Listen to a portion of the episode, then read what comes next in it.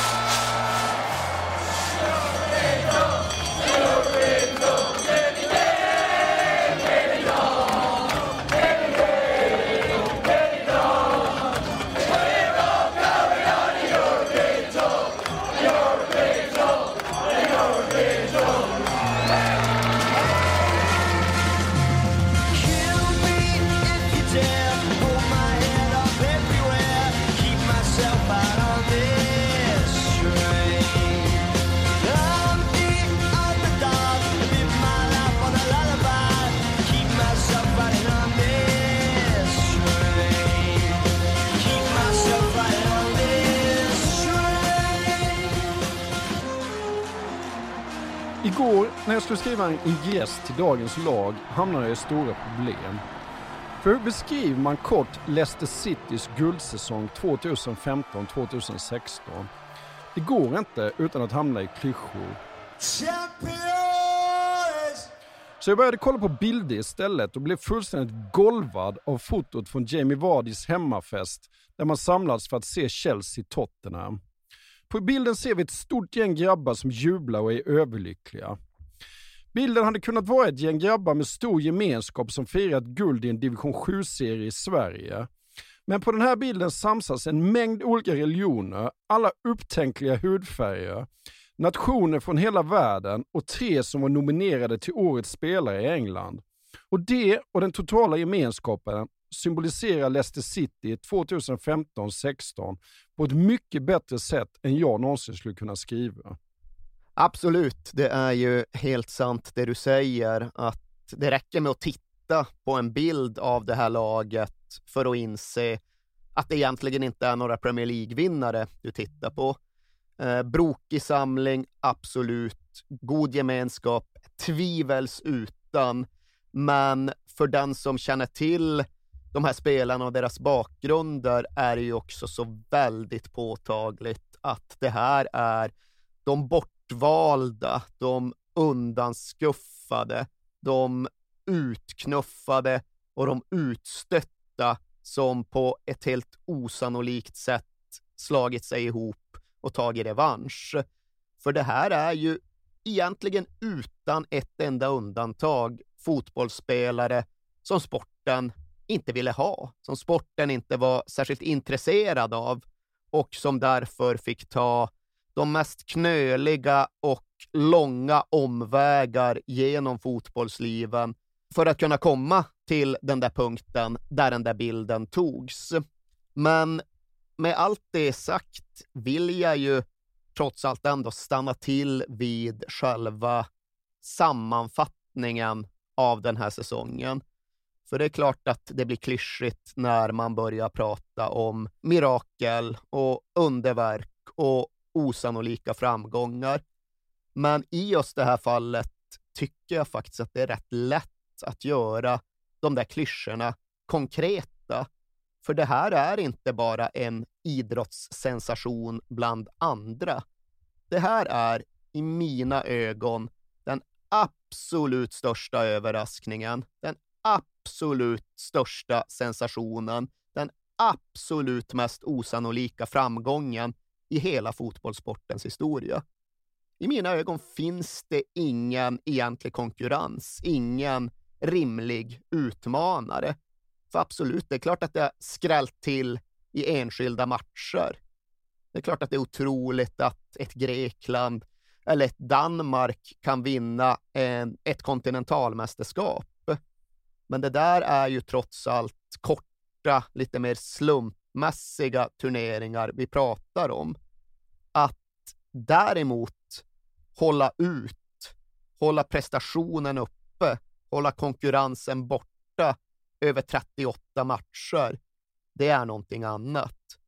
Och att därtill lyckas göra det i en tid då avståndet mellan fotbollens stora och små vuxit till en avgrund och någon jävel dessutom bränt en bro över den där klyftan. Det har inte hänt förut. Det kommer kanske aldrig hända igen och det kunde inte hända då det skedde. Och en uppgift som ofta nämns i anslutning till precis hur otroligt det här verkligen var, det var, är ju det här faktumet att engelska bookmakers eh, gav odds på 5000 gånger pengarna på att Leicester City skulle vinna ligan. Och min instinktiva ryggmärgsreflex är att känna att fan, det låter inte som något vidare odds. 5000 liksom. Det borde vara högre. Det borde ha varit högre odds. Men sen stannar jag upp och eh, tittar på vad ett odds på 5000 gånger pengarna egentligen innebär. Vad dessa bookmakers faktiskt säger med den oddsättningen. Ja, de säger att en gång av 5000 så kanske det här kan hända. Alltså ett år av 5000 år. Säg att en vanlig människa framöver kommer leva 100 år. Ja, då händer det en gång var femtionde livstid. Det är alltså Ja. inte något som händer var tionde år. Någonting som du kan räkna med att få uppleva under ett liv med fotbollen. Nej, en gång var femtionde livstid. Ifall vi ska tro dessa bookmaker-odds, och de sätter ju inte odds för att de tycker det är kul. De sätter ju odds Ja, ja. utifrån det, det, det de bara upplever som en eh, korrekt kalkyl. Men ifall vi ska utgå från en oddsättning på 5000 gånger pengarna, ja, då är det alltså befogat att tro att något liknande kanske kan hända igen år 7016. Ja. Väck mig där någon gång och fråga mig ifall jag fortfarande håller Leicester Citys Premier League-titel 2016 som den mest osannolika fotbollstriumfen någonsin. Min gissning är att jag kommer svara ja.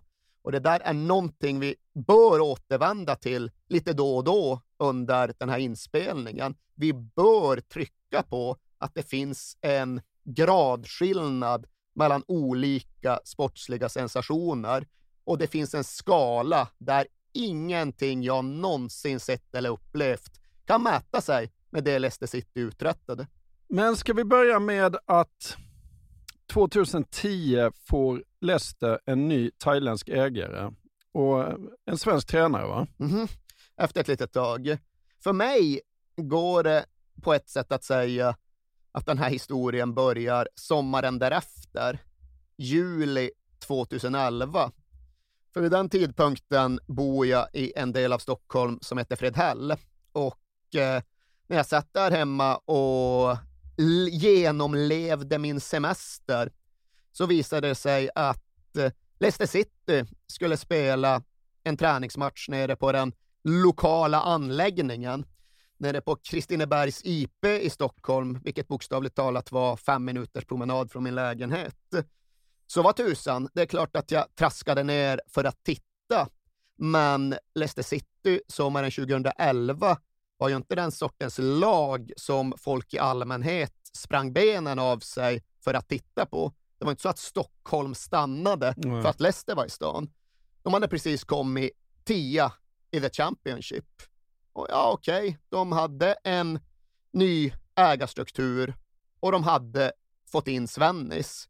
Och det var väl det som i någon mån väckte lite extra stor nyfikenhet. Jag vill tro att jag hade gått och sett Leicester City alldeles oavsett Det vem som coachade. säkert, ja. Men när Svennis var där så blev det väl halvt omistligt. Han hade haft eh, en stor del av den föregående säsongen. Men det hade alltså inte blivit särskilt mycket av det. Nu skulle han in i sin första hela säsong, sin första riktiga säsong. Och nu hade han fått möjlighet att värva och bygga sin egen trupp. Och Han visst- värvar utav bara... Ja, jo, han värvar på, han värvar Ja. på, men det finns andra klubbar i liknande läge som har värvat ännu mer och som har värvat ännu mer spektakulärt. Ja. Det var inte så att det var några jättekanoner som Leicester Nej, mullrade men jag in tyckte med. det var ganska många. Det, det Ja. var mycket oms, det var stor omsättning, absolut. Men liksom de stora namnen som kom, det var ju spelare som ja, man mest satt och garvade åt för att de faktiskt på ett obefogat sätt fanns med i den engelska landslagsstatistiken. Kolla där, där är Paul Konchesky. Tänk att han fick göra landskamper för England. Det är ju inte rimligt. Och där David Nugent, fan, han gjorde en landskamp mot Andorra och gjorde ett mål och sen spelade han såklart aldrig för landslaget igen. Det var den typen av profilvärvningar och därtill så hade han precis tagit in Kasper Schmeichel för andra gången, Svennis. Eller ja, egentligen för tredje klubben. För de hade ju jobbat tillsammans i Manchester City. Och sen hade Svennis lockat Kasper Schmeichel ner till Notts County i fjärde divisionen. Och nu hade han lyft upp honom igen och tagit honom till Leicester. Men så det är jättemycket mer spännande än så var det inte. Och så särskilt profilstarkt var det inte heller. Och egentligen var väl det som fick en att höja på ögonbrynen lite grann där på Kristinebergs IP, att det svängde in en minibuss från Grand Hotel i Stockholm alldeles före avspark och utklev ja, två av Asiens rikaste män. Det var Vishai Raksriaksrorn och hans 25-åriga son Topp, som han kallades. Och de två var ju Leicester Citys nya ägare. Det var de två, kanske framförallt då sonen, den unga oerfarna sonen som rattade mycket av vardagen i klubben. Du ska ha tack för att du uttalade namnen. Ja. Ja, jag är inte, inte trygg i det uttalet och du ska inte tro att du är avkroken bara för att jag gjorde det nu vid ett tillfälle. Det kommer fler. Men det var som sagt inte den här liksom känslan av att oj, nu har oligarkerna tagit över Chelsea, nu har shejkerna tagit över Manchester City, utan det var snarare den här känslan av att det är någon sorts diffusa, svåranalyserade ägare av den typen det numera gått 13 på dussinet av nere i The Championship, som inte verkade göra så där jättemycket med klubben, utan ja, 10 i The Championship säsongen före, ambitioner att gå lite bättre, rimliga förhoppningar på en playoff-plats. Men det var där Leicester stod och det var där Leicester hade stått. De hade nått playoff till Premier League våren innan thailändarna tog klubben. Och det är inget vi egentligen behöver stanna Det är egentligen inget vi överhuvudtaget behöver nämna, men jag gör det ändå bara för att få tillfälle att klippa in en av mina favoritsånger i en fotbollskontext överhuvudtaget. Nu pratar jag inte läktarsång, utan nu pratar jag ju buskis trubadureri. För våren 2010, precis innan thailändarna skulle komma in, då spelade Leicester City playoff mot Cardiff. Det var jämnt som tusan. Det gick hela vägen till ett straffsparksavgörande. Och engelsk fotboll blir ju i stort sett aldrig så dramatisk som när det är playoff-matcher som gäller avancemang till en högre division. Kanske till och med upp till Premier League. Och det ska berättelsen om Leicester visa vid fler tillfällen. Men just här så faller ju Leicester City på att deras franska kreatör Jan Kermogant får för sig att gå fram och slå en usel version av den nu så etablerade Panenka-straffen. Det här var alltså våren 2010. Det var inte särskilt många som slog Panenka-straffar. Okej, Totti i EM 2000, Zidane i VM 2006, men det var inte så att du såg en Panenka i var och varannan straffläggning. Det var ovanligt och det var därför helt häpnadsväckande smärtsamt att den straffen blev ett sånt fiasko.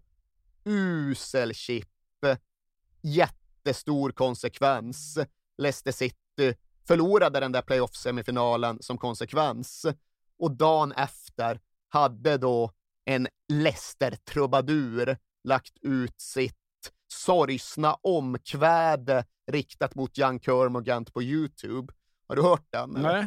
Det är ju, vi nämnde Total Eclipse of the Heart Ja. i avsnittet om Maradona. Det här är då en remake på den låten, men som landar i andra känslor och andra slutsatser.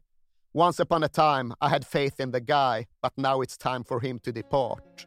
What else can I say? He was totally shit from the start. Kermagard.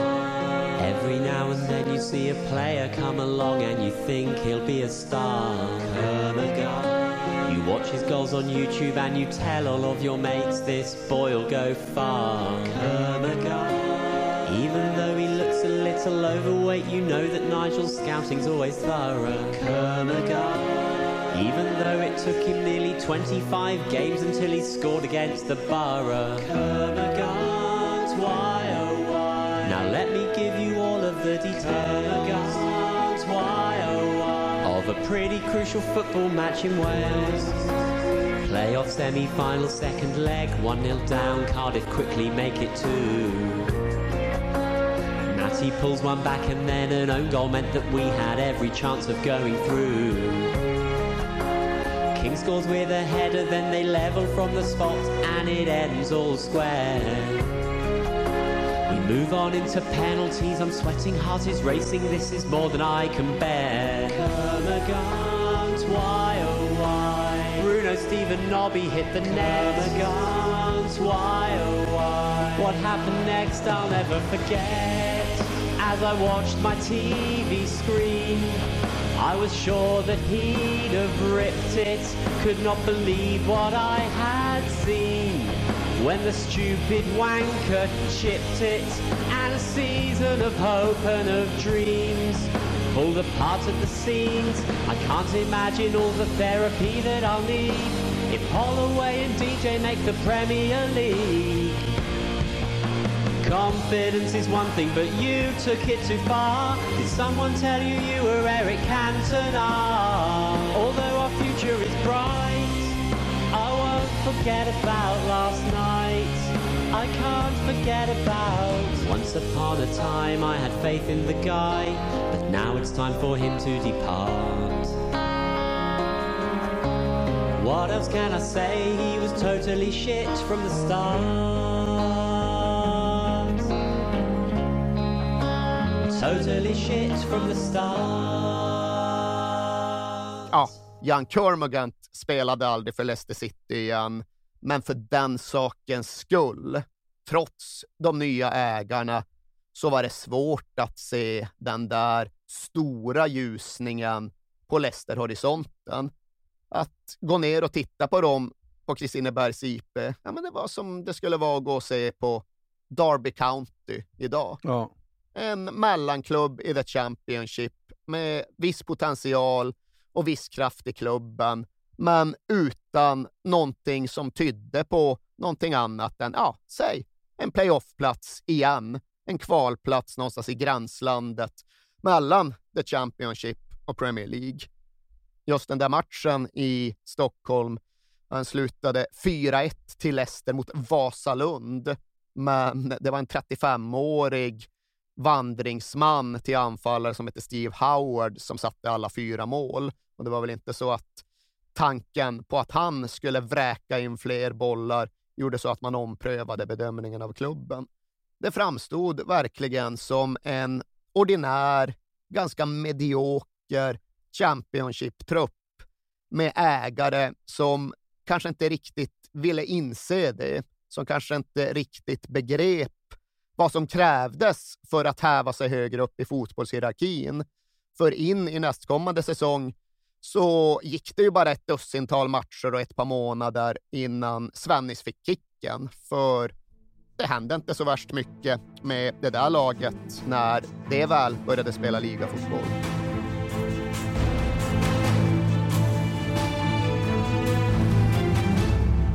Vi är sponsrade av Samsung.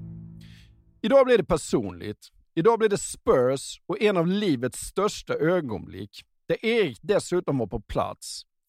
Samsung jobbar som ni vet vid det här laget efter Do What You Can't och för oss blir den parollen aldrig mer sann än den där kvällen i Amsterdam den 8 maj 2019. Det var returen i semifinalen mellan Ajax och Tottenham. Ajax hade vunnit första matchen i London med 1-0 och detta unga, underbara Ajax bara fortsatte på hemmaplan.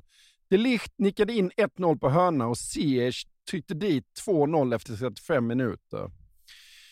I paus måste det ha varit nattsvart i Spurs omklädningsrum, eller också inte. För vad de gjorde i andra halvlek är inget annat än en bragd.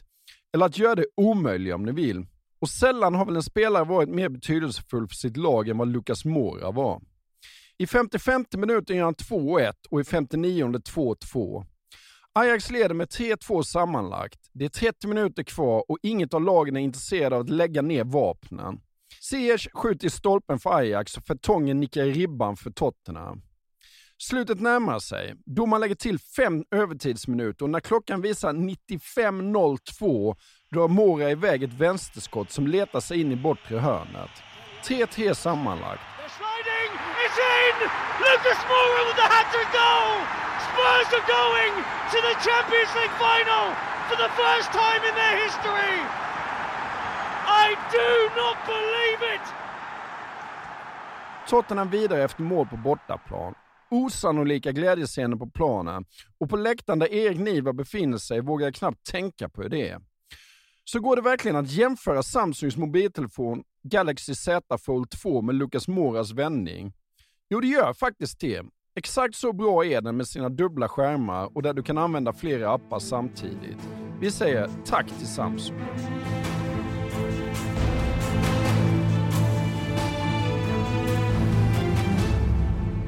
Hur långt, måste vi, hur långt framåt måste vi gå innan grejer börjar hända med Leicester då? Ja, ett eller egentligen nästan två år i alla fall. För det här var sommaren 2011. Skruva fram 2012, ja, det rör väl lite grann på sig i spelartruppen och i lagbygget. Men det mest notabla, det är ju att ägare Vichai och hans familj föräras ett helt nytt efternamn av den thailändska kungen Bhumibol. Och du trodde du hade det soft och bekvämt när du slapp uttala deras gamla efternamn. Hur lät egentligen deras nya? Srivadhana Prabha. Starkt. Ja. Ja, lite större övertygelse, lite högre tempo, men annars blir det inte bättre. Nej, Jag ser ingen anledning att försöka ratta det där. jag är mycket nöjd. Ja, Vad betyder det då? ja. ja.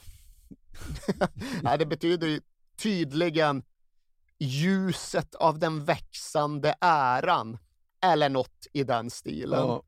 Och det är klart att har man en ägarfamilj som helt plötsligt föräras ett nytt och glansigt efternamn av den thailändska kungen, ja, då har man trots allt en annan typ av ägare än de flesta klubbar i den engelska andra divisionen. Och det märktes ju mer och mer och tydligare och tydligare på ett sätt som absolut väckte en del förundran i Midlands. För det var inte nog med att folk skulle förväntas försöka sig på att uttala det där namnet, utan det blev ju också allt vanligare med de här influgna buddhistmunkarna Ja. som utförde ritualer på arenan i samband med hemmamatcherna. De stod där i sina orangea särkar och välsignade målställningarna och kastade vatten på spelarna och skulle ju på så sätt skänka dem tur, lycka, välgång.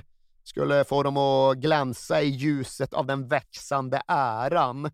Men ifall vi sen snabbspolar fram ytterligare en säsong så är det ju inte så att den heller kulminerar med någon tur, någon lycka, någon medgång och något välstånd. För här når ju i alla fall Leicester playoff igen. Men ifall man tyckte det var trist att Jan Kermugant chippade bort avgörande straffar 2010 så blev det ju fan inte lättare för Leicester City att tugga playoffspelet våren 2013. För det avslutas ju med, ja, även här något som det finns fog för att använda överord för att beskriva, som det finns fog för att hävda är en av de mest klassiska sekvenserna i den moderna engelska fotbollshistorien. Och då är vi ju då framme vid playoff-semifinalen, returen borta mot Watford våren 2013. Och in på stopptid i den här semifinalreturen så är det helt jämnt. Det står 2-2. Och det är inga bortamål eller sån skit, utan matchen är på väg mot förlängning och potentiellt mot straffar en gång till. Men då så väljer ju Leicesters nya franska kreatör, Anthony Nockart att eh, dyka in i Watfords straffområde och ta med tusan få en straff med sig för ansträngningen. Mjuk jävla straff. Grymt jävla öde för Watford som nu liksom står inför att falla på mållinjen strax före Wembley. De har straff emot sig i 96 minuten av playoff-semin på hemmaplan. What a huge decision given by Michael Oliver. I'll tell you what, I'm not completely sure about this. I'm, I'm with Gianfranco Zola. I feel that Knockout is looking for this penalty. There might be some contact on him, but he's looking to go to ground. We'll get a better view here. He does brilliantly to get into the penalty area, but once he knocks it past Cassetti, there's a slight touch. To me, throws himself to the ground, and that is a massive call for the referee. I felt he was probably going to book Knockout, but he's given a penalty, a massive call, and I'm not convinced he's got it right. Knockouts for me, is looking for it. Well, it's a season-defining call, nothing short of that. Det är slut, det är över. Det är oerhört svårt att bara smälta att det som egentligen är en filmning ska bli så utslagsgivande. Men det finns ju någonting i sättet som Anthony Knockart uppträder på som nästan framstår som skuldmedvetet. Traditionell fotbollsvisdom gör ju gällande att spelare som blivit fälld aldrig ska slå straffen. Men det tänker Anthony Knockart göra. Men han är inte fylld av någon övertygelse när han går fram till bollen. Det visar ju inte bilderna. Och low and behold, givetvis missar Knockart straffen. Watfords gamla Arsenal-keeper Almunia räddar. Och bara det är ju dramatiskt. Det blir inget avgörande. Det kommer bli förlängning. Watford överlevde. Knockout takes, Almunia saves, knockout follows in, Almunia saves again! Men de nöjde sig inte med att överleva. De får bort bollen ur eget straffområde. De sopar upp den på offensiv planhalva och de hittar en egen omställning som ju då inte slutar förrän Troy Deeney, massive Troy Dini dundrar in det avgörande målet för Watford istället. Now here come Watford. Forestieri. Here's Hogg. Dini! Do not scratch your eyes. You are really seeing the It almost mirrors the final day. With the very last kick of this playoff semi-final, Troy Deeney wins it for Watford and sends them to Wembley. Well, we talked about Troy Deeney being an influence in this game, and that is exactly what he has been. But to me, not justice has been done in terms of the penalty. I didn't feel it was a penalty, so Knockout not scoring, I felt was right. But you talk about a team... Han sätter bollen i den andra buren, bara 20 sekunder efter att Leicester hade en straff som skulle ge dem det avgörande målet i buren på andra sidan planen. Och det är ju det är en helt otrolig sekvens. Det finns ju tusentals klipp på antingen liksom radiokommentatorer eller tv-kommentatorer, eller för den delen bara matchupplevelsen. Vicarage Road i Watford är en ganska timid arena, men när den där bollen går in så är det ju pandemonium. Ja. Det är folk överallt och det är människor som springer omkring med bengaler både på läktaren och inne på planen. Och det är ju som sagt ett av den moderna engelska fotbollshistoriens mer klassiska ögonblick, mest klassiska sekvenser. Det är en av de bästa kontringar man någonsin har sett också. Ja, den är ju liksom inte planlagd. Det är inte så att de har tränat på det spelmönstret Nej, på det- arenan. Den är snabb och den är väldigt bra och det är få tillslag. De spelar ju, de gör ju den omställningen med en känsla av befrielse. Ja. De har ju just undkommit en dödsdom och istället så hittar de paradiset 20 sekunder senare. Och det var ju en svensk som fick uppleva allt detta nere på planen. Vem var det? Eh,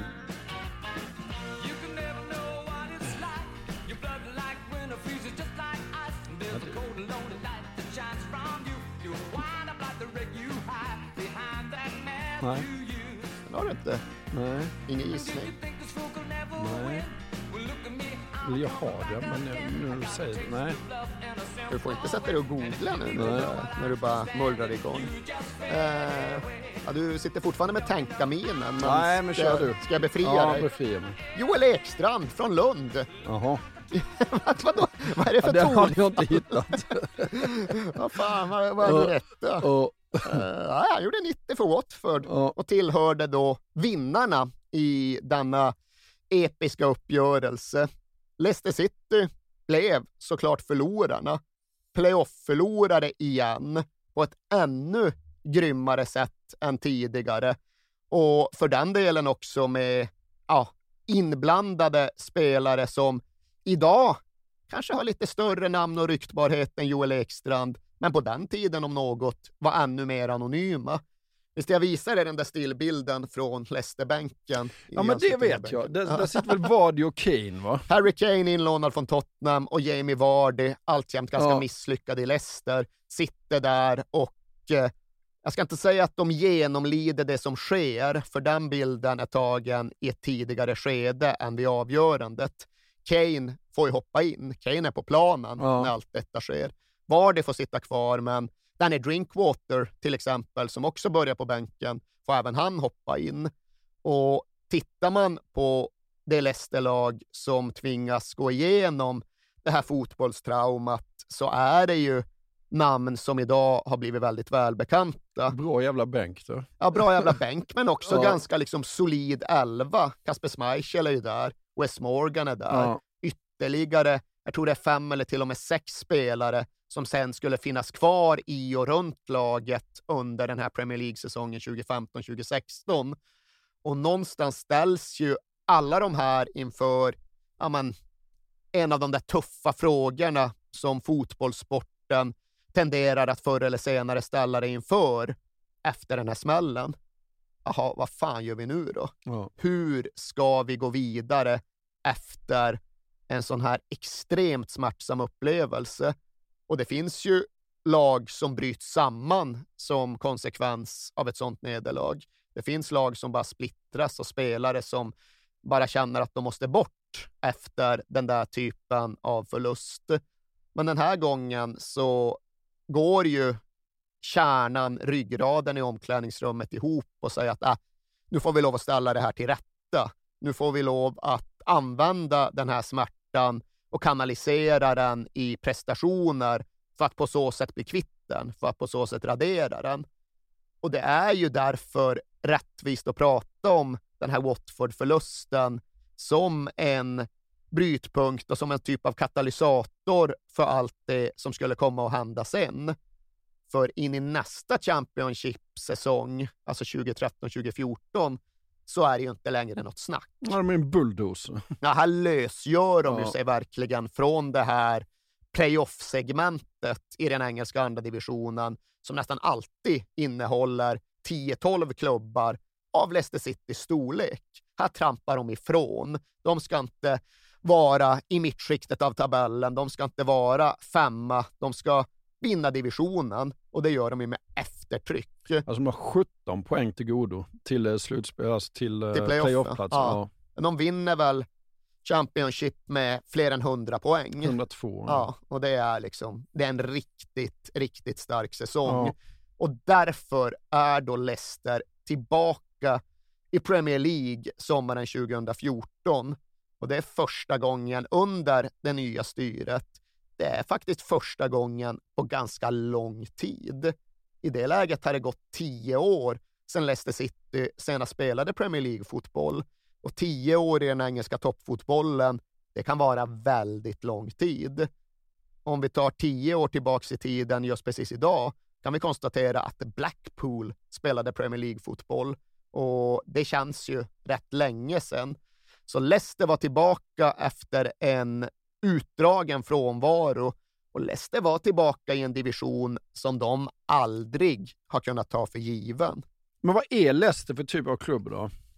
Ja, men det är ju precis den där sortens mellanskiktsklubb som vi har konstaterat vid ett par tillfällen. Och då har jag nämnt Derby County som en sorts parallellklubb, men det är egentligen orättvist gentemot Derby County. I alla fall ifall vi utgår från 2014, 2015, 2016. För Derby County hade ju i det läget faktiskt ändå vunnit den engelska högsta ligan flera gånger i ja, någorlunda modern tid. I alla fall under efter. De hade vunnit engelska ligan ett par gånger på 1970-talet. Mm. De hade varit i semifinal i Europacupen. Och Leicester City hade ju aldrig uträttat någonting som ens gick att jämföra med det. Leicester City hade inte alls den typen av stamtavla. Eh, liknande storlek på sitt support, men aldrig vunnit högsta ligan, aldrig vunnit FA-cupen. Faktiskt även hemmahörande i en stad som de allra flesta britter förknippar med rugby snarare än med fotboll. Leicester City var en rätt anonym klubb, vilket inte minst kan åskådliggöras genom det faktum att de inte har några riktiga rivaler. Nej. Det finns inga som verkligen, verkligen brinner för att avsky Leicester City. Och det finns för den delen inga som Leicester City verkligen kan se som sin stora derbyfiende. Själva så avskyr de Nottingham Forest mer än några andra. Men det är ju den där typen av asymmetrisk relation där Nottingham Forest visserligen ogillar Leicester, men de avskyr Derby County jättemycket mer. Ja. Så De är, som, de är som ett snällt djur utan naturliga fiender.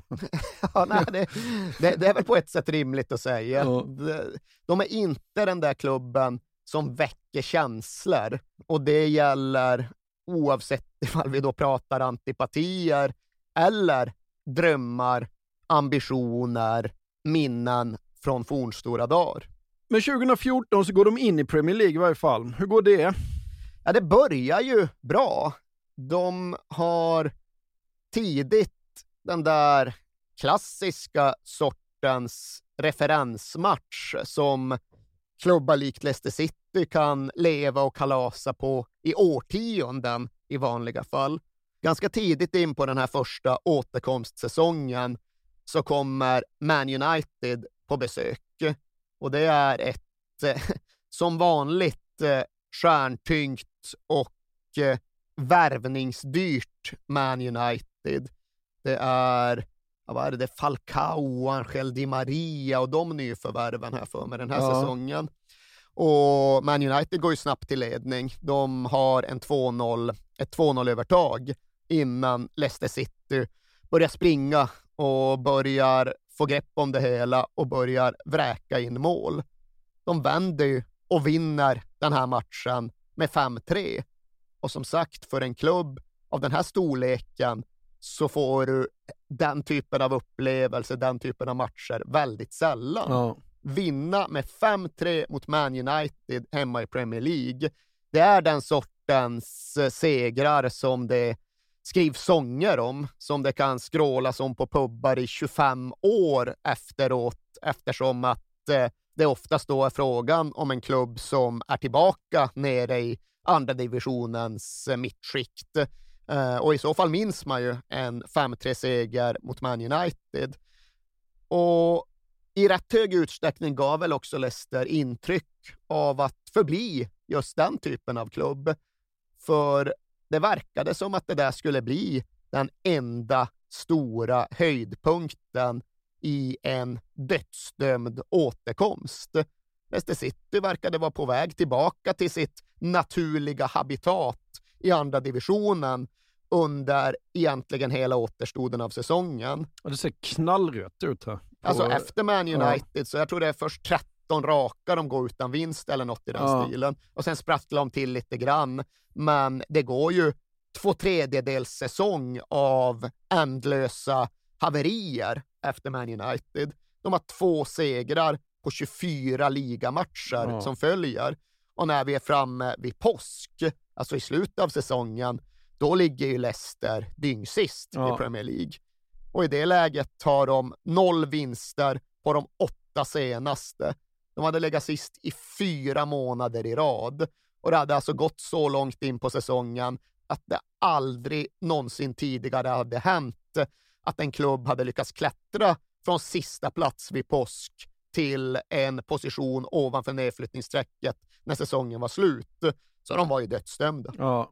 Men vad hände i det läget då? Ja, vill du ha de mer eteriska och smått vidskepliga förklaringarna eller vill du ha de mer strikt fotbollsmässiga?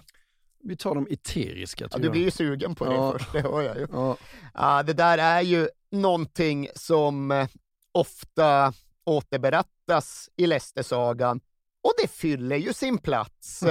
För här har alltså Leicester inte kunnat köpa, stjäla eller kriga till sig en seger med några medel under en hur utdragen period som helst. Men precis just då, ja vad fan händer? Jo, det är några som sätter en spade i betongen på en av stadens parkeringsplatser. Och vad hittar de väl där? Rickard den tredje. under bokstaven R på parkeringsplatsen i Leicester så ligger då alltså kvarleverna av Rickard den tredje. Den sista engelska kungen att dö på ett slagfält. Ett slagfält som då låg precis här i anslutning till dagens Leicester. Och de där jävla kvarleverna, de ska ha legat där sedan 1485, alltså mer än 500 år. Men på ett eller annat sätt som inte jag är eh, kapabel att förstå så lyckas då de kvickt och rappt fastställa att ja, här har vi att göra med Rickard den Ja, tredjes hur fan grejer. kan de veta det? Vad vet. Nej. Kol 14, Ja. det är metoden jag alltid vill hänvisa ja. till. Men det handlar väl mest om åldersbestämning Ja, i och för sig. Ja, skitsamma. Då, där tydligen, det är Rickard, det är ingen diskussion om den saken. Det är Rickard den tredjes ben. Vad gör vi med dem? De kan inte ligga under ruta R på en parkeringsplats utanför en livsmedelsbutik i Leicester. Lite mer värdet får väl ändå lov att göra det här. Ja. Så okej, de flyttar dessa kvarlevor till stadens katedral. Och där får de sin slutgiltiga viloplats den 26 mars 2015. Och det är alltså i precis det här läget då Leicester City har förlorat och förlorat och förlorat hela vägen till en position som sänkes sist i Premier League. Men sen förlorar de ju aldrig igen, höll Nej. jag på att säga. Ja, för då påbörjas The Grand Escape va? The Great Escape, Great som Escape, de gillar att jag. säga i Ja. England.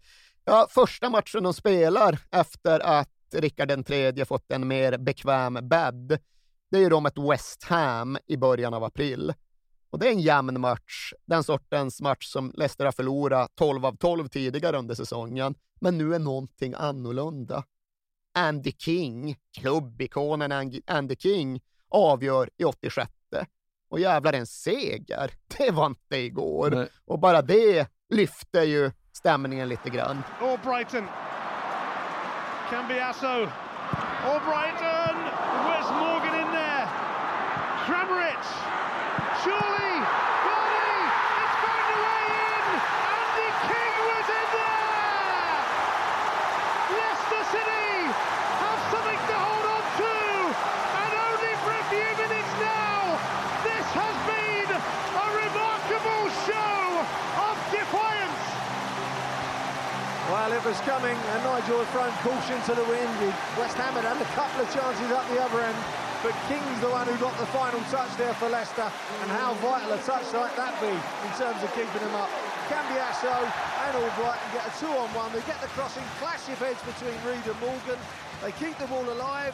Comes back there, a miss-hit shot, and there's King with a final touch. Men de är ju fortfarande hopplöst efter. Ska de hänga kvar så måste de ju vinna i stort sett varje match. Och det är ju ganska uteslutet. Veckan efter, de åker till West Brom och det ser ju inget vidare ut. Det är underläge in i den absoluta slutfasen av matchen. Men tamme fan, Robert Hoot kvitterar i 80 minuten och Jamie Vardy avgör på stopptid och Leicester City vinner igen. Och Leicester City fortsätter att vinna och fortsätter att vinna och börjar faktiskt även röra på sig i tabellen. Är det Rickard den tredje? Vissa vill ju hävda det. Eller är det själva verket någonting annat? Ja, men det jag ser här, om jag bara får säga det, är ju att de har ju en fantastisk eh, avslutning vad gäller enkla lag. Det är spelschemat du Ja. vill peka på. Ja, det är väl gynnsamt, men de hade inte vunnit den typen av matcher. Det är West Brom, Tidigare. Swansea, Burnley, Newcastle, Southampton, Queens Park Rangers. Det, det, ja. Och så möter de Chelsea och förlorar i och för sig. Rickard den tredje ska inte ha ett skit. Nej. Laget ska inte ha ett skit. Jo. Tränaren ska inte ha ett Jo, skit. nej, jag- Det är spelschema. Nej, men lite grann är det ju faktiskt så. Ja. Men så jävla krassa ska vi inte sitta här och vara. Vad blir det för historieberättande? Vi måste ge Rickard den tredje sitt och vi måste ju såklart även ge tränaren Nigel Pearson en vända. För det går att säga väldigt mycket om Nigel Pearson, men ointressant är ju inte karln alltså. Nej. Många av berättelserna runt honom är ju flitigt återberättade, så ni får ursäkta mig ifall det här blir upprepningar, men jag kan ju inte sluta fascineras av, jag kan inte sluta vara förtjust i berättelsen som i mina ögon mer än någonting annat naglar fast vad Nigel Pearson egentligen är för fotbollstränare och människa. För vad skiljer honom från andra Premier League-tränare? I första hand i mina ögon hans semestervanor. Istället för att åka till Dubai eller till Italien, någon medelhavsstrand, så åker ju alltid Nigel Pearson på mer eller mindre strapatsrika semestrar. Det gör han än idag, men det gjorde han även på den tiden han var Premier League-tränare. Ibland så ska han liksom försöka korsa Asien i rikscha. Det är liksom, han ska in i Mongoliet och jobba med en rikscha. Ibland så går han på strapatsrika vandringar uppe i de skotska högländerna och ger sig ut i övärlden och befinner sig på så avlägsna platser att han behöver ta båt till den lokala puben. Och ibland så ger han sig ut och solovandrar i Karpaterna. Den här bergskedjan som väl främst ligger i Rumänien, nere i östra Europa. Och jag antar att du har hört hur det gick för Nigel Pearson när han bergsvandrade i Karpaterna. Det har jag faktiskt inte. Har du? Fan vad Nej. det glädjer Ja, mig. ja. För jag tror att det här har alla hört och då är det inte lika Nej. roligt. Men det är förmodligen min favoritanekdot om någon Premier League-tränare. Nigel Pearson, han gillar äventyr. Han gillar att utsätta sig för prövningar. Men den här gången när han vandrade i de rumänska bergen, då blev det lite väl mycket även för honom. För helt plötsligt blev han inte bara förföljd utan direkt attackerad av en flock vildhundar som anföll för att döda, Ja. enligt Nigel Pearson. Ja. Eh, han var visserligen införstådd med faran. Han hade läst på och visste att det fanns den här typen av hundgäng som dog runt och vädrade blod. Men han köpte in sig på den risken. Men helt plötsligt, så jag ska inte säga att de står där, helt plötsligt kommer de flygande. Och så som Pearson berättar historien så finns det i praktiken ingen skillnad på de här vildhundarna och de vargar som vi är rädda för i Sverige. Nej. Det här är vargliknande bestar och de är fem, sex stycken som liksom hoppar mot honom för att hugga strupe. Och Pearson, han gör vad han kan. Han använder sina metoder och Eh, sin smått militäriska träningsbakgrund och backar in mot ett träd och slåss med sina gångstavar. Men hur länge kan man eh, hålla ut i ett sånt läge? Han lever ju på lånad tid. Han måste ju någonstans eh, göra något mer än att bara vänta in dubbelhugget som han inte kan parera. Så han står där och fäktar med sina gångstavar, daskar till den ena hunden på nosen och får något bett i armen av den andra. Men vad gör man? Vad gör du i det läget? Ryggen mot trädet, hundarna framför dig, hundarna runt dig. Ja, men det går inte att klättra upp i trädet? eller? Nej, det, det är inget Pearson kan i alla Nej, fall. men då, då vet jag faktiskt inte. Det är ett svårt läge. Ja. Men som sagt, Pearson han ger sig inte ut blint på de här äventyren, utan han har läst på. Han är medveten om vildhundarnas närvaro, men han har också läst in sig på deras svagheter. Jaha. Och det Nigel Pearson vet och det Nigel Pearson ser i närheten, det är att dessa vildhundar är skiträdda för brännässlor. Jaha. Och han identifierar ett snår av brännässlor. Så snabbt som bara satan drar han ett ryck på 10-15 meter dit, dyker ner i brännässelsnåret, köper in sig på att det också är lite ont, men att det inte är jämförbart mo- med de här vildhundsbetten. Nej. Sen ligger han mer eller mindre där och rullar och tumlar och gömmer sig och väntar ut vildhundarna som helt tappar geisten så fort de kommer i närheten av brännässlor. Och de flyr och en lite svedd Nigel Pearson stapplar upp och återvänder till Premier League-vardagen. Ja. Ändå ganska nöjd. Ja, han, han är inte missnöjd med Nej. att återberätta den här episoden kan jag meddela. Och det är klart, det finns inte jättemånga vittnen som kan intyga att det var precis så här det gick till. Men det är i alla fall precis så här Nigel Pearson med stor belåtenhet återberättar episoden. Eh, Annars gillar jag när han tar ett stryptag på en spelare i Watford. Uh, Crystal Palace. eh, Ja, var det Crystal Palace? Ja, jag tror Ja. det. Eh, Men det är ju också just en del av hela den här 2014-2015 säsongen.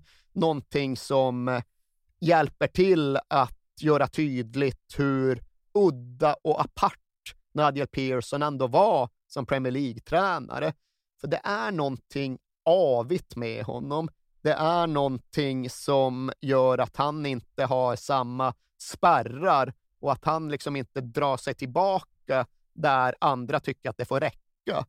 För han har ju egentligen tre sekvenser under den här Premier League-säsongen som allihopa är jävligt egendomliga. Och den första, det var under den här perioden då allt gick helt otroligt uselt. Då Leicester City förlorade varenda match. Och mitt under en av dessa förlustmatcher, hemma mot Liverpool i december, så blir han häcklad från läktaren. Och det här finns ju på video, så man kan följa liksom meningsutbytet. Han är twat, han är disgrace, han borde liksom bara lämna klubben för de förlorar ju varenda match. Och visst, han blir häcklad, men sånt hör man ju i stort sett varenda gång en Premier League-klubb förlorar på hemmaplan. Ja. Och Nadia Pearson, han liksom frontar det lite grann och sånt har väl också hänt. Men sen är det ju 19 av 20 Premier League-tränare som ändå liksom biter sig i tungan, sväljer lite stolthet och går och sätter sig på bänken. Men det gör ju inte Nigel Pearson. När han får ytterligare ett twatt emot sig, ja, då lämnar han ju sitt tekniska område, går upp mot huvudläktaren och meddelar att mannen som skrek det där sista twattet, han kunde citat “fuck off and die”. Ja.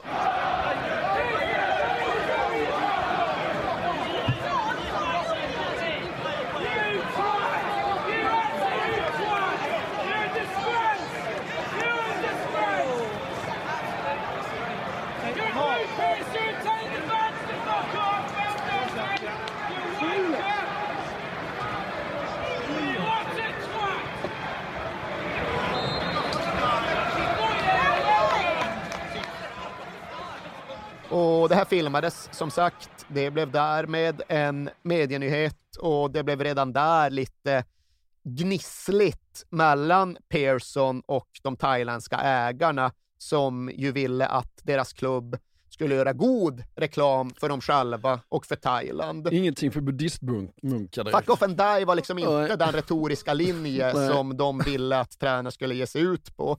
Så okej, det blev lite frostigt och det blev 10 000 pund i böter, men det var ju ändå inget som det inte gick att gå vidare framåt ifrån. Men sen gick det ju någon månad och sen kom den här andra sekvensen, den som du då hänvisade till, när Leicester möter Crystal Palace. Och James MacArthur i Palace är en spelare som Pearson uppskattar. En spelare som Pearson har försökt värva och som det därför finns en typ av relation med. Eh, och det är märkligt för det blir den där typen av hopslag vid sidlinjen där liksom Pearson mer eller mindre dras in i en tackling. Och sånt händer ju lite då och då. Ja. Man garvar, haha, tränaren blir tacklad, tränaren ramlar, hehe, festligt liksom. Men det som från början just uppfattas så, som en smått humoristisk slapstick, slapstick-situation, förbyts ju i något annat när Pearson återigen visar att han saknar någon sorts spärr som andra har. För till att börja med suger han ju tag i James MacArthur och då tänker man att ja, ja, det är liksom, ska han göra en skojig poäng av att liksom ruska om den här spelaren som man känner sedan tidigare. Och sen så tar han plötsligt någon form av stryptag på honom och man känner att okej, du drar det här skämtet lite långt liksom. Det är förbi någon typ av gräns för det smakfulla och det anständiga. Men sen då, när alla väntar sig att han i alla fall ska avsluta skämtet och släppa iväg MacArthur, ja, då drar han ju det ytterligare två steg lägre. Han håller kvar stryptaget, han skärper och han trycker ner MacArthur i gräset. Och MacArthur har ju själv berättat att han just uppfattar från början att men han skämtar. Ja. Och sen, vad fan, släpp då! och vad, vad fan, att han hinner liksom bli skratt. Vad fan gör gubbjäveln? Och det är ju just eh, en situation som du inte ser. Nej. Som en Premier League-tränare håller ett stryptag och håller fast och håller kvar och trycker ner. Och även här blir de thailändska ägarna lite konfunderade. Va- Vad fan är det? Ja, det kan man ju tänka sig. Ja, och i efterspelet så kommer uppgifterna ut att nej, men Pearson har fått sparken. Ja. Liksom, resultaten är usla. Han ber en Leicester-supporter fuck off and die. Han tar stryptag på en motståndarspelare. Det är klart han får sparken. Ja. Och sen gick det några timmar. Nej förresten, han har inte alls fått sparken. Nähä, vad hände här igen? Nej, det vet ingen, men Pearson är kvar. Och då tänker man väl att okej, då får han väl löpa linan ut den här säsongen och då får han väl följa med laget ner i Championship-graven. Men sen kommer ju då Rickard den tredje eller spelschemalättningen Ja. och Leicester börjar plötsligt vinna. Fram till det då att de stöter på ett tufft motstånd och faller mot Chelsea. Och då är det ju den där känslan av att, ah fan, det gick inte ändå. Vi fick en liten uppryckning, men det kommer inte vara tillräckligt. Och när Nadia Pearson frontar pressen efter den förlusten så håller han ett litet surmulet anförande där han gnäller över citat, all den kritik och all den negativitet som han upplever hade omgärdat Leicester i stort sett hela säsongen. Då är det en journalist där som jag tror känner att så negativt har det ändå inte varit. Den absolut största delen av rapporteringen har kretsat kring att Leicester ofta är med i matchen, att de har marginalerna mot sig och att resultaten nu har vänt uppåt. Så han ställer bara en helt ordinär följdfråga om ja, liksom, vad är det du refererar till när du hänvisar till den här kritiken och negativiteten? och det svaret som Pearson drar iväg då, det är ju även där, det är inte ett bland andra minnesvärda presskonferenscitat, utan det är ihop med Joe Kinnear uppe i Newcastle, ett av de mest eh, svårbegripliga tränarsvar som givits Nej, jag på en Premier det. League. Nej. Ja, det är ju så jävla... Ja, men alltså det han säger är ju just att, ja men, hur kan du ställa den frågan? Ifall du inte fattar vad jag menar när jag pratar om kritik så måste du ha levt i en annan verklighet det senaste halvåret. För Pearsons bild är ju då att han och hans lag har fått otroligt mycket Ja. kritik.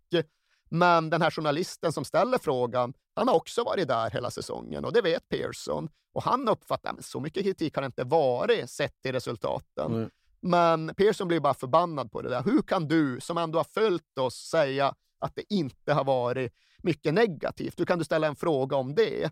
Och sen kan han ju kanske nöja sig där, men sen är det ytterligare en spärr som saknas och sen spinner han ju iväg i en riktning som, ja, om inte annat jävligt underhållande att följa. Kärnan i hans svar kretsar ju då kring en sentens där han slår fast att if you don't know the answer to that, you must be an ostrich. Ja. Och det blir roligare att säga en ostrich på engelska än det blir att säga en struts på svenska. Ja. Men bilden är densamma på båda språken. En struts som har stuckit huvudet i sanden och blundat för verkligheten. Så även här, okej, du har gjort din poäng. Du kanske drog det ett tack för långt. Du tycker att den här journalisten har stuckit sand, huvudet i sanden och på så sätt inte uppfattat all den här kritik som bara flugit runt. Men inte ens där nöjer han sig, utan då ska han bara liksom ställa retoriska följdfrågor. Is your head in the sand? Are you flexible enough to get your head in the sand? Och det är också mycket roligare på engelska. Liksom. Are you flexible enough? Ja. Är du smidig nog? Och sen svarar han själv på sina retoriska frågor. My suspicion would be no. Ja. Nej, jag tror inte du är flexible enough för att sticka huvudet i sanden. Och sen slår han ju över och blir liksom, jag ska inte säga att han blir passiv-aggressiv, utan han blir ju direkt aggressiv och liksom bara avfärdar den här journalisten som den absolut största idioten som någonsin har gått i ett par skor. Ja. Och går ju absolut över gränsen även här. Well, Ian, uh, uh, have you been on holiday for six months? Have you? Have you been away for six months? I'm, not quite sure what specific your Well, I think you must have been either um, head in the clouds, away on holiday, or reporting on a different team. Because if you don't know that the answer to that question, I think your question is absolutely um, unbelievable. The fact that you do not understand where I'm coming from. If you don't know the answer to that question, then I think you're, you you you are an ostrich. Well, your head must be in the sand. Is your head in the sand? It's not. Can you, are you flexible enough to get your head in the sand? Probably not. My suspicion would be no. I can, you can't. Any, any more questions? Should we wrap it there? You can't. Positivity. Eh, Listen, you've you've you've been here often enough for you to ask that question. I think you're either being very very silly, or you're being absolutely stupid. One of the two. Because for you to ask that question, I'm sorry, son, but you are daft. There's been much criticism of your players all season. Uh, no, you're wrong. You're wrong. You've been in here. You've been here, and I know you have. So don't give that crap with me, please. Don't give that crap with me. And I'll smile at you because I can afford to smile at you. Now, do you want to ask a different question, or do you want to ask it differently? Go on, come on, ask it, ask it. Or you're not capable. I, I, I just don't know what You don't know what um. I, don't, I don't know how you've taken that question there because Well, you must be very stupid. I'm sorry. No. Men sen ska det ju sägas att inte heller detta kostar Nigel Pearson mer än en ursäkt. Han får sen lov att be om ursäkt till den berörda journalisten. Men det är inte så att han får sparken eller ens blir bötfälld eller på något sätt hamnar tillbaka ner i en negativ spiral. Utan Leicester City hämtar sig väl från ja, den här presskonferensen, men framförallt från den här förlusten mot Chelsea. De serverar strutsburgare i spelarmatsalen dagen efter och det glädjer mig lite grann i det lilla. Ja. Men framför allt så fortsätter de ju, eller så börjar de vinna igen. Och du kan prata hur mycket du vill om ett lätt spelschema, men i slutet av säsongen så följer de upp eh, den tidigare segersviten med att ta 10 av de 12 avslutande poängen de fyra sista matcherna. Och från då att ha varit dyngsist i ligan vid påsk så häver de sig inte bara upp över strecket, utan de slutar ju på en bekväm 14 plats. Och i England älskar de ju sina utbrytningar. De älskar sina great escapes. Och det här refereras till som the greatest of them all, the greatest of all great escapes. Och det är klart att bara det hade ju såklart kunnat vara ett avsnitt här i When We Were Kings. Ja. Bara den historien hade vi kunnat göra ännu mer utförlig och i ännu större detalj. Men Leicester City var ju liksom inte riktigt färdiga där. Men det var ju ingenting som någon visste eller som någon trodde på våren 2015. Absolut en mirakulös uppryckning. En förbättring som kom från ingenstans. Men det lär ju bli svettigt igen nästa säsong för liksom börja titta uppåt i tabellen. Leicester City de hade 46 poäng upp till ligatoppen våren 2015. Så det var ju inte så att de gick på sommarledighet med några stora drömmar, utan de pustade ut. De kände sig uppfyllda av att ha lyckats med den här sensationella upphämtningen så mycket mer dramatik än så behövde ju inte de under sommaren 2015.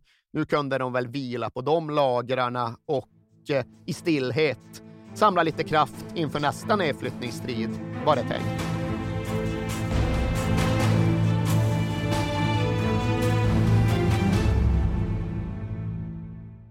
Jag vill inleda med att säga att det är garanterad jackpot på 13 miljoner på Stryktipset. Och fy fasen. Ja, visst. Skulle du behöva 13 miljoner eller? Ja, det skulle jag verkligen. Men vi måste säga först att vi är ju sponsrade av Stryktipset. Ett spel från Svenska Spel, Sport och Casino för dig över 18 år. Yes, och stödlinjen.se finns där för dig om du har problem med ditt spelande. Nej, men 13 miljoner jackpot på Stryktipset, det är ju inte fel. Nej, då är det faktiskt dags att ladda en rejäl rad här känns det som. Mhm. Vet du vad som inte heller är fel? Nej. Födelsedagsfirandet och alla härliga Mm. historier vi får in. Exakt, Mm. för vi är ju mitt inne i Stryktipsets 90-årsfirande som vi firar med att läsa upp fantastiska historier från våra lyssnare Yes. som skickar in dem till kings at perfectdaymedia.se. Precis, bomba på nu. Det är åtta månader kvar på det här firandet, så att, eh, vi kör nu. Mycket Stryktipshistorier vill vi ha Mm. och i dagens har vi fått från Peter som skriver så här. Hej på er och tack för en helt otrolig podcast. Den har räddat mina veckor i snart fyra år. Tack så mycket Peter.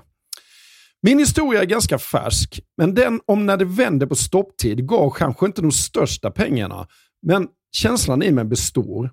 Jag spelar ofta för lite mindre pengar på Stryket, följer fotbollen men är långt ifrån en nörd. Och allt såg väldigt bra ut senast, förutom på min etta på Manchester United mot Brentford. Var ändå väldigt, eh, var ändå väldigt nöjd med hur resten satt. Men på stopptid satte min nya favoritspelare, skotten McTominay, två mål och vändningen fullbordades.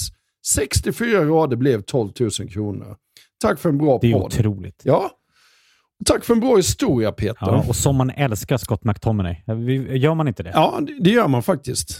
Han liksom kommer in i straffområdet jävligt bra faktiskt. Mm. Vi säger stort tack till våra vänner på Stryktipset. Tack.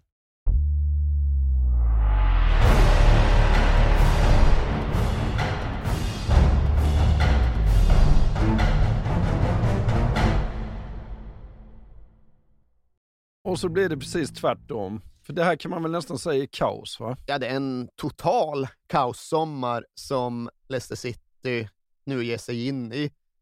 För de avslutar Premier League-spelet den 24 maj 2015. De besegrar QPR i sista matchen. De firar sitt nya kontrakt och sen drar de iväg till Thailand på en säsongsstängarresa av det snitt som ganska många Premier League-klubbar med utländskt styre och internationella ambitioner ägnar sig åt. De ska spela lite uppvisningsmatcher, de ska klippa lite band, de ska skaka lite händer. De ska visa upp sig i det Thailand som deras ägare absolut fungerar som globala ambassadörer för. För de hade inte fått den här prestigefyllda namnändringen av kung Bomniboll utan skäl, utan hela Thailand upplevde ju att det var en stor sak att eh, det fanns en Premier League-klubb som i någon mån var deras. Det var en källa till stolthet, det var bra PR och det var någonting som det såklart skulle byggas vidare på. Och det var ju just det som var tanken med hela den här skaka hand och visa upp sig-resan till Thailand i slutet av maj. Men så gick det en vecka och så var det den 31 maj så slog Sunday Mirror upp sin stora och berättigade skandalpublicering. För de hade ju då fått tag på filmerna som visade hur tre unga akademispelare i Leicester som fått följa med på resan ja, ägnade sig åt en jävla orgie med thailändska prostituerade som de därtill förolämpade på rasistiska grunder. Och det var ju sannerligen inte den typen av PR som de thailändska ägarna eller för den delen den thailändska regenten hade sett framför sig. Utan det här var ju precis den där typen av jävla sjaskiga, nedsättande, imperialistiska kolonial-eko som gjorde otroligt stor skada för relationerna mellan Thailand och Storbritannien. Just de relationer som någonstans hela ägandet av Leicester City byggde på. Och det var ju i sig illa nog, men allting blev ju ännu mycket mer komplicerat, ännu mycket mer infekterat med tanke på att en av de här spelarna som deltagit i orgien hette James Pearson och var son till managern Nigel Pearson. Ja. Så okej, rätt in i en stor skandalstorm, men Leicester City valde ändå att på smått svenskt myndighetsmaner tillsätta en utredning och avvakta utslaget av den innan klubben tog några vidare beslut om konsekvenser. Så på så sätt hann väl den stormen lägga sig lite grann under veckorna som följde. Det skulle ju obenhörligen behöva komma konsekvenser av det, men det sköts liksom lite på framtiden. Och då kunde man väl kanske tänka sig att det skulle bli lugn och ro runt Leicester City i alla fall för ett tag. Men då misstog man sig. För vad hände då? Ja, två veckor senare, och då är vi då framme vid den 15 juni 2015, ja, då stod en av A-lagsspelarna inför rätta. Då stod ytterbacken Danny Simpson framför skranket anklagad för våld i nära relation. Och det blev ju ganska snabbt under den rättegången tydligt att ja, det hade han gjort sig skyldig till. Han hade tagit stryptag eh, runt halsen på sin flickvän och han hade gjort det inför ögonen på den polis som hade blivit inringd och stormade in i huset och bevittnade detta. Så det var ju tjurigt läge för Danny Simpson och han kände ju en fullt berättigad skräck för att bli fängslad. För han var skyldig till detta och är man skyldig till den typen av brott, ja då kan fängelse mycket väl bli påföljden. Nu var det ju såklart inte Danny Simpson det var synd om i den här situationen, men lika fullt så stod han ju i ett läge där det absolut var fara för hans karriär. För att säga att han hade fått sex, åtta månaders fängelse, då hade han ju missat hela den efterföljande säsongen. Och då hade han givetvis fått sitt kontrakt uppsagt med Leicester Ja. eftersom att han inte kunde fullfölja det, eftersom att han inte kunde vara tillgänglig. Och då hade det varit väldigt svårt att få ett nytt kontrakt med det hängande över sig när han i så fall väl kom ut. Så sett bara till hans personliga situation och till hans möjligheter att spela fotboll så stod de och vägde på en jävla hårnål där när domaren med den lustiga peruken fattade sin träklubba och skulle förkunna domen. För någonstans, ja, oddsen utifrån hans egna juridiska företrädare var någonstans sådär, ja, det ser ju inte bra ut. Säg 60-40 Ja. är nog risken för att du faktiskt behöver sitta i fängelse. Det är större risk att du behöver göra det än att du slipper. Och träklubban höjs, träklubban slås i bordet och domen förkunnas och preciseras till 300 timmars samhällstjänst. Och det är väl i och för sig ett eh, någorlunda omfattande straff rent tidsmässigt. Det behöver pusslas en del med schema och logistik för att det ska gå att kombinera med fotboll, men det är ju i alla fall möjligt. Ja. Och domaren sa också uttryckligen att det var precis, precis på den här sidan om fängelsegränsen. Men det är ju också lite speciellt med brittiska rättssalar, att rätt ofta så ger sig domarna iväg på rätt liksom, utförliga och rätt personligt färgade motiveringar till sina beslut. Och den här domaren började ju prata om hur han hade läst in sig på Danny Simpsons liv och ja, du har inte haft det så lätt Eh, din egen mamma var bara 16 när hon födde dig och det innebär såklart vissa utmaningar och prövningar. Och det skulle på något sätt också ha liksom funnits med i den juridiska bedömningen. Och jag vet inte fan exakt hur det översätts till till exempel ett svenskt rättssystem, men eh, oavsett vilket så kunde i alla fall Danny Simpson i någon mån andas ut. Och i någon mån så tyckte väl även Leicester City att det här var gott utslag, för då gick det ändå att hänvisa till att han liksom skulle fullfölja, han skulle tjäna sitt straff eh, genom samhällstjänst, han skulle ändå kunna ha fotboll som en del av sin rehabilitering och på så sätt förbli uttagningsbar. Så okej, okay, ytterligare en storm som i någon mån ändå mojnade och äntligen läge för lite lugn och ro runt den här spelartruppen väl.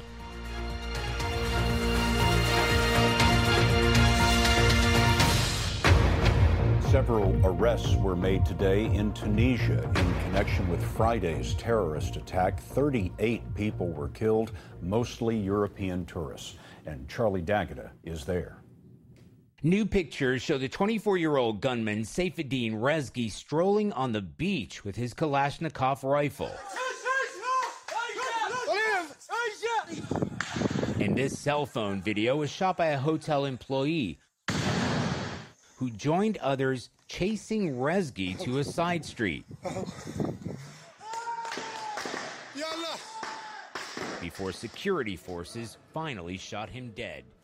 Sen går det tio dagar och sen får vi flytta kikaren till en annan del av världen, en annan världsdel och eh, semesterorten Port El Kantaoui i nordafrikanska Tunisien.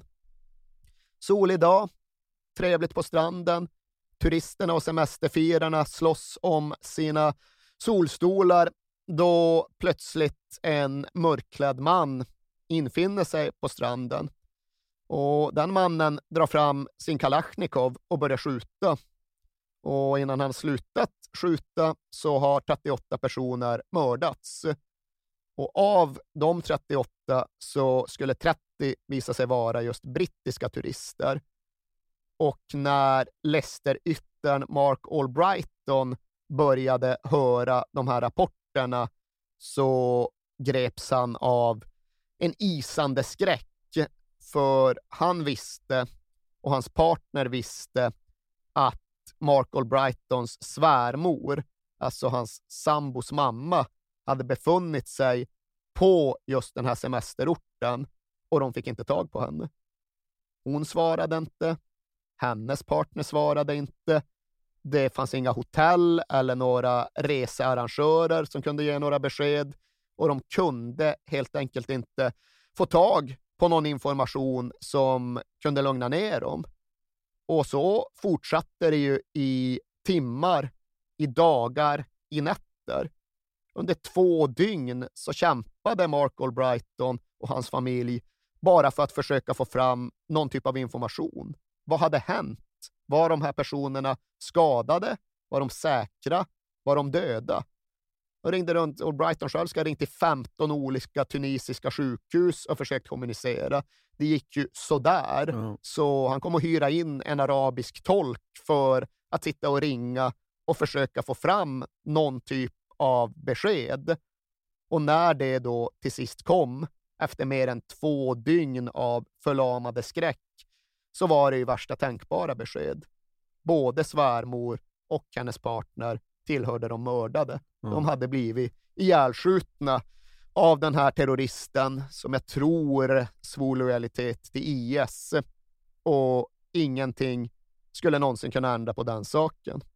Hon var bara 44 år, Sue Davy, som då svärmor hette, men hennes liv tog slut på den där stranden i Tunisien och givetvis var även det någonting som Mark Albrighton hans lagkamrater, hans omklädningsrum, hans klubb behövde bära på ett eller annat sätt, var tvungna att försöka bära och hantera in i nästa säsong. Och det slutar ju inte där va? Nej, inte turbulensen runt Leicester City, för hur mycket man än bordlägger en utredning så ska den ju till sist ändå nå sin slutpunkt. Och det gjorde ju utredningen av sexskandalen i Thailand. Och det var inte så anmärkningsvärt. Det var i själva verket rätt självklart att de här tre ungdomsspelarna skulle få sparken.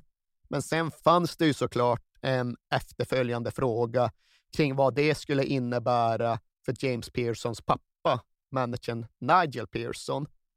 Och den 30 juni kom beskedet att det innebar rätt och slätt att han fick sparken. Ja. Och det var inte så att det kommunicerades på det sättet. Det kommunicerades som att eh, meningsskiljaktigheterna mellan manager Pearson och eh, de thailändska ägarna hade blivit för stora för att det skulle vara möjligt att fortsätta. Och det är ju på ett sätt ganska lätt att förstå. Det är fullt begripligt ifall de thailändska ägarna kommer till slutsatsen att vad fan, vi gör ju det här för att bygga broar och skapa vänskap och skapa PR och så landar vi i detta. Men sen är det klart att det också finns en fråga i vilken utsträckning egentligen en pappa ska behöva lida för sin sons Ja. synder. Men det här har aldrig klarlagts till fullo vad som egentligen sades och hur snacket egentligen gick. Men det som många hävdar är ju att Nigel Pearson även i den här situationen angrep eh, läget på ett annat sätt än många andra hade gjort. För han ska mer eller mindre ha gått på offensiven. Han ska ha varit förbannad för att klubben inte offentligt preciserade att det inte var hans son James som hade stått för de här rasistiska förolämpningarna. Det var en annan ungdomsspelare. Ja, James var där och han deltog i orgen, men det var inte han som stod för de rasistiska förolämpningarna. Varför skrev ni inte ut det i ert pressmeddelande? Varför blev inte det offentligt känt? Så att det någonstans var Pearson som var förbannad på ägarna och att det var det som gjorde att deras samarbete blev ohållbart. Det var någonstans så förhållandet mellan höna och ägg tycks ha sett ut. Ja, snacka om att han har byggt upp för det årskedet kan man säga. Ja, nej, man kan tycka att han själv borde ha gjort analysen att eh, säkerhetslinorna var ganska få i det Ja. läget. Och snacka om att det är krattat för att det ska komma in en eh, ny boss som eh, har lite ordning och reda. Va? Ja, det var ju en ganska rörig tränarjakt. Det var spretigt vad gäller kandidater och vad gäller personer som både kopplades ihop med den här vakansen och personer som faktiskt blev intervjuade.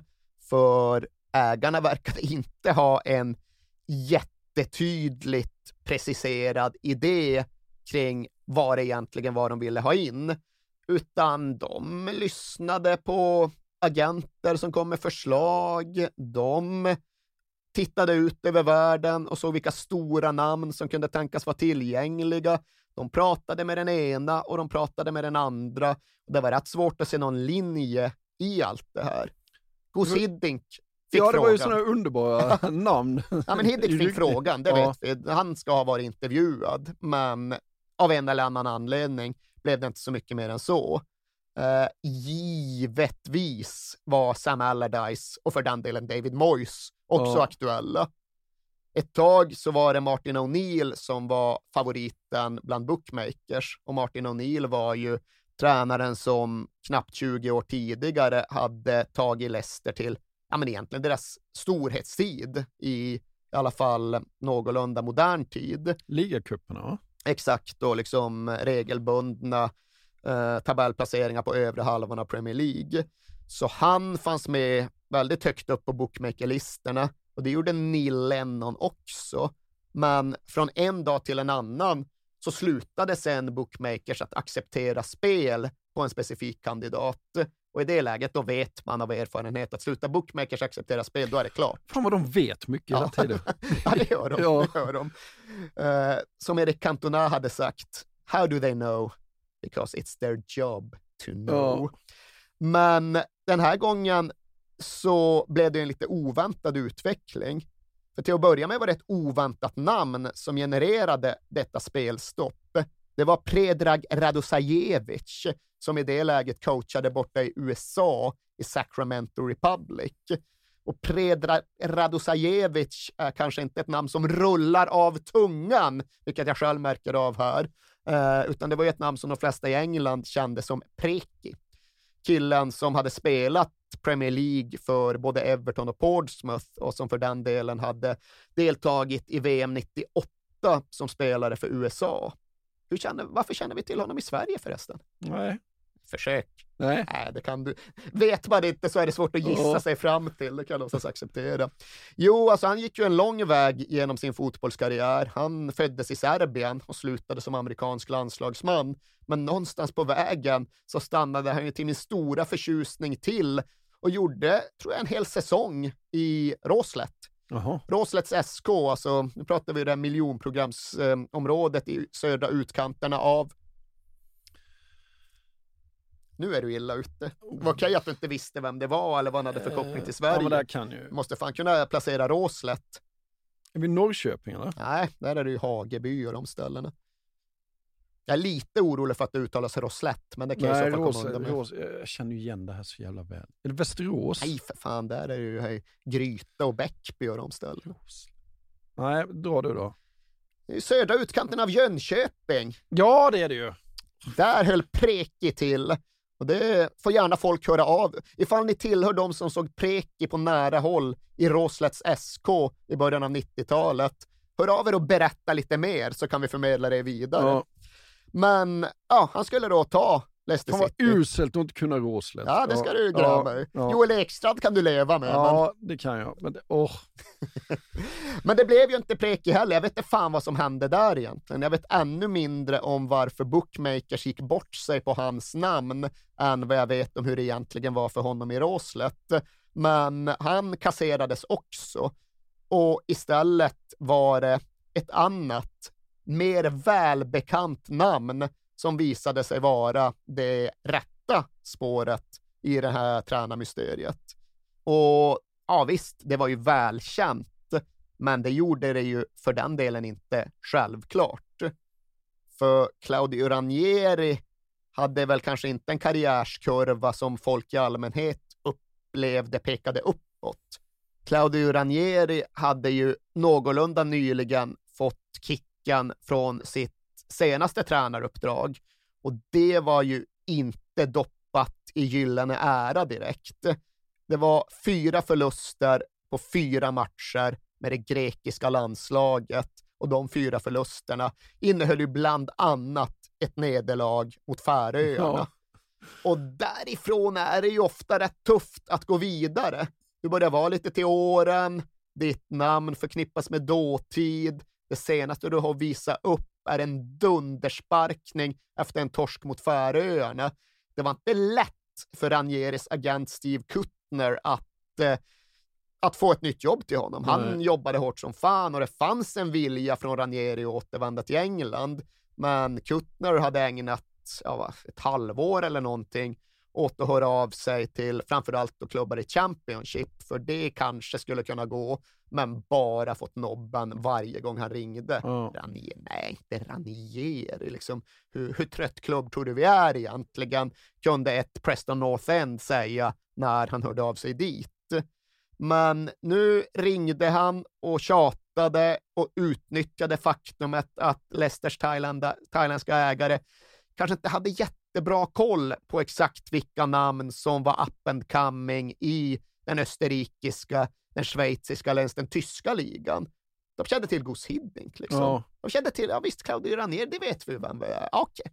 Ja, men det har väl inte gått något vidare vi förstått, men visst, ta hit honom. Så Ranieri får i alla fall komma på intervju. Och först får han ju då träffa den här unga viceordföranden, sonen Topp, Srivadhana Prabha. Och det ska vara ett bra möte ändå. Ranieri har ju den där förmågan. Han är ju en gentleman. Han är en gentleman och han har sin liksom speciella typ av farbroderlig karisma. Ja. Han eh, är lätt att tycka om. Och när han sen även fick träffa fadern, alltså den faktiska ägaren Vichai, så pratade han med en man i någorlunda samma generation. Ja. Och de kunde prata samma språk. De hittade verkligen fram till varandra. Och Vichai sveptes någonstans bara iväg av personkemin de två emellan. Det var inte så att han hade någon noggrann analys av vad som egentligen hade gått fel i Grekland. Det var inte så att eh, han gick in i detalj och frågade hur Ranieris taktiska upplägg eller hans träningar egentligen skulle se ut, utan det var liksom två män som klickade och Vichai nöjde sig med det. Hans liksom knäckfråga var egentligen att ja, så som läget ändå är, så som fjolårssäsongen såg ut, ifall vi åker ur nästa säsong, kan ni då lita på att du stannar kvar med oss ändå? Ja, det kan du, säger Claudio Ranieri. Okej, men då kör vi. Du får komma, du får bli nya managern. Målsättningen, att hänga kvar. Ja. Kan vi ta en poäng mer än vi gjorde förra säsongen så vore det en jätteframgång. Men så bara vi är ovanför strecket så är jag hur nöjd som helst, säger Vichai och skickar iväg Claudio Ranieri till det träningsläger i Österrike som Leicester City spelartrupp redan har påbörjat. Dessutom visste han att den här personen kommer inte ta stryptag på någon spelare i Crystal Palace nästa säsong. Nej, och det finns ingen i hans familj som kommer vara inblandad i en sexorgie på ett hotell i Thailand, för egentligen den enda personen som Ranieri pratade om i sin familj, det var hans 96-åriga mamma, Ja. som han alltid återvände till, både bildligt och bokstavligt. Det var henne han pratade om, det var henne han åkte och besökte så fort han fick en dags ledigt. Och där kände sig nog Vichai ganska trygg med att ah, PR-värdet här är nog mer lättsålt än det var runt Nigel Pearson. Ja. Och Gary Lineker, vad är, vad är han? Är han den store sonen i Leicester, eh, Leicesters historia? Eller? Ja, det kan man nog ändå säga. Som sagt, Leicester, egentligen ingen fotbollsstad, egentligen ingen talangfabrik. Men de har Gary Lineker och de har ju ett par målvakter. De har Gordon Banks och de Ja, har vår polare Peter Shilton som nog är ganska jämställda med Gary Lineker i stadens fotbollshistoria. Men Gary Lineker har ju numera en högre profil i och Ja. med att han är tv-ankare. Men Gary Lineker lägger ju ut på Twitter, han är ju väl jättestor på Twitter. Mm. Eh, efter att detta blir känt så lägger han ut Claudio Ranieri? Frågetecken. Really? Ja, och det var ju en åsikt eller en syrlighet som låg helt i linje med den allmänna opinionen.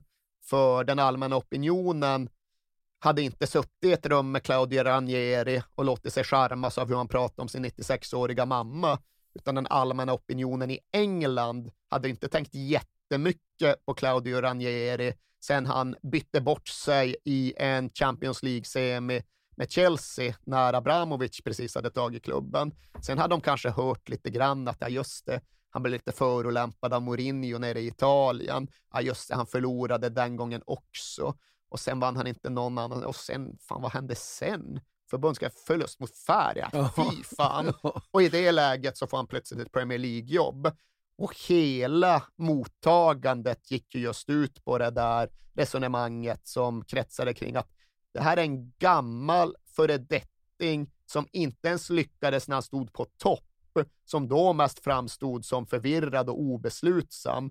Och nu ska han belönas med ett nytt Premier League-jobb efter ett jättefiasko i Grekland. Vilket utmärkt tecken på hur det blir när utländska ägare kommer in i vår fotboll utan koll och bara lyssna på agenter som presenterar gamla trötta namn. Det var så Claudio Ranieri togs emot Ja. och det var unisont.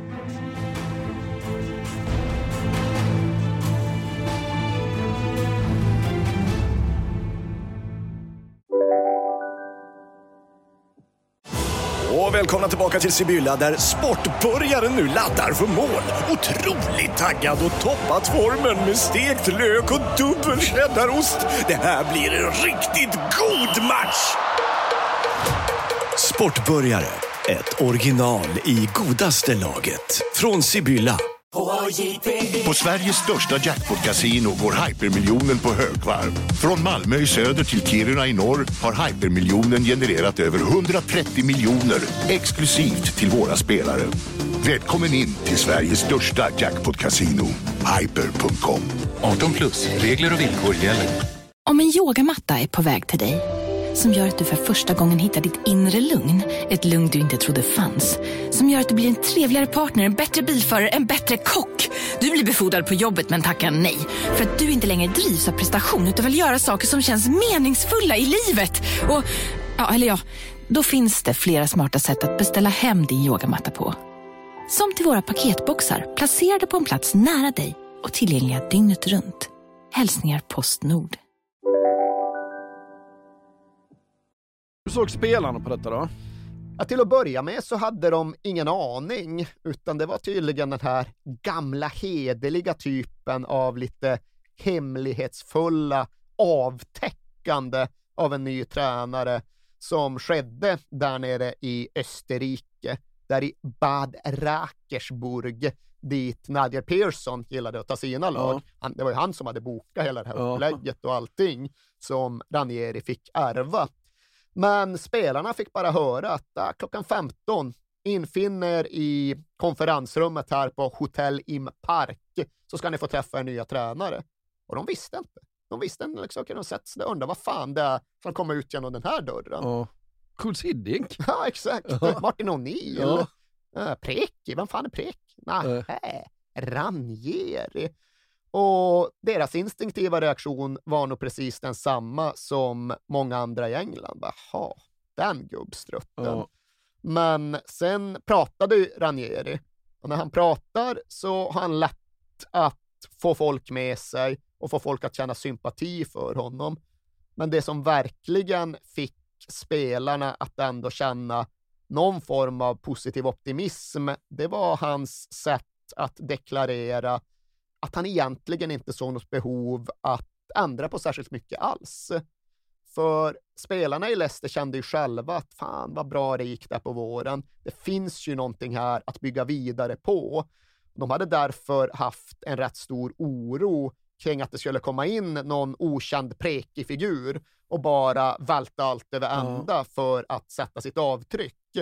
Men det Ranieri sa vid det här första anförandet, det var egentligen bara att ja, jag tittar tillbaka på hur ni uppträdde förra säsongen, älskar det. Älskar hur ni kämpar och strider för varandra. Och det är precis det jag vill ha av er. Det är det jag vill att ni ska hålla fast vid. Därutöver, nej, inga stora förändringar, bara små justeringar. Det gäller både spelsätt, det gäller hur vi beter oss i omklädningsrummet med regler och förordningar. Det gäller för den delen även tränarstaben. Ta kanske in någon hjälpreda från Italien, men annars det blir samma folk. Det blir de gubbar ni redan känner och har förtroende för. Och här i Österrike förresten, ja, ni kommer se mig, men ni kommer inte märka mig. För jag tänker bara ställa mig vid sidlinjen och observera i ett par veckor. Och det var den ingången som Claudio Ranieri kom med och det var väl det absolut mest förnuftiga som han någonsin kunde göra. Det var här som hans erfarenhet verkligen blev utslagsgivande. För det där med erfarenhet i en fotbollstränare, det kan vara mer eller mindre positivt. Du kan få större eller mindre nytta av det och jag tror inte att eh, det per automatik är en stor och tydlig plusfaktor. Men den här gången är jag helt övertygad om att det var det. För det Claudio Ranieris erfarenhet gav honom, det var ju en trygghet och ett mod att låta saker vara som de redan var.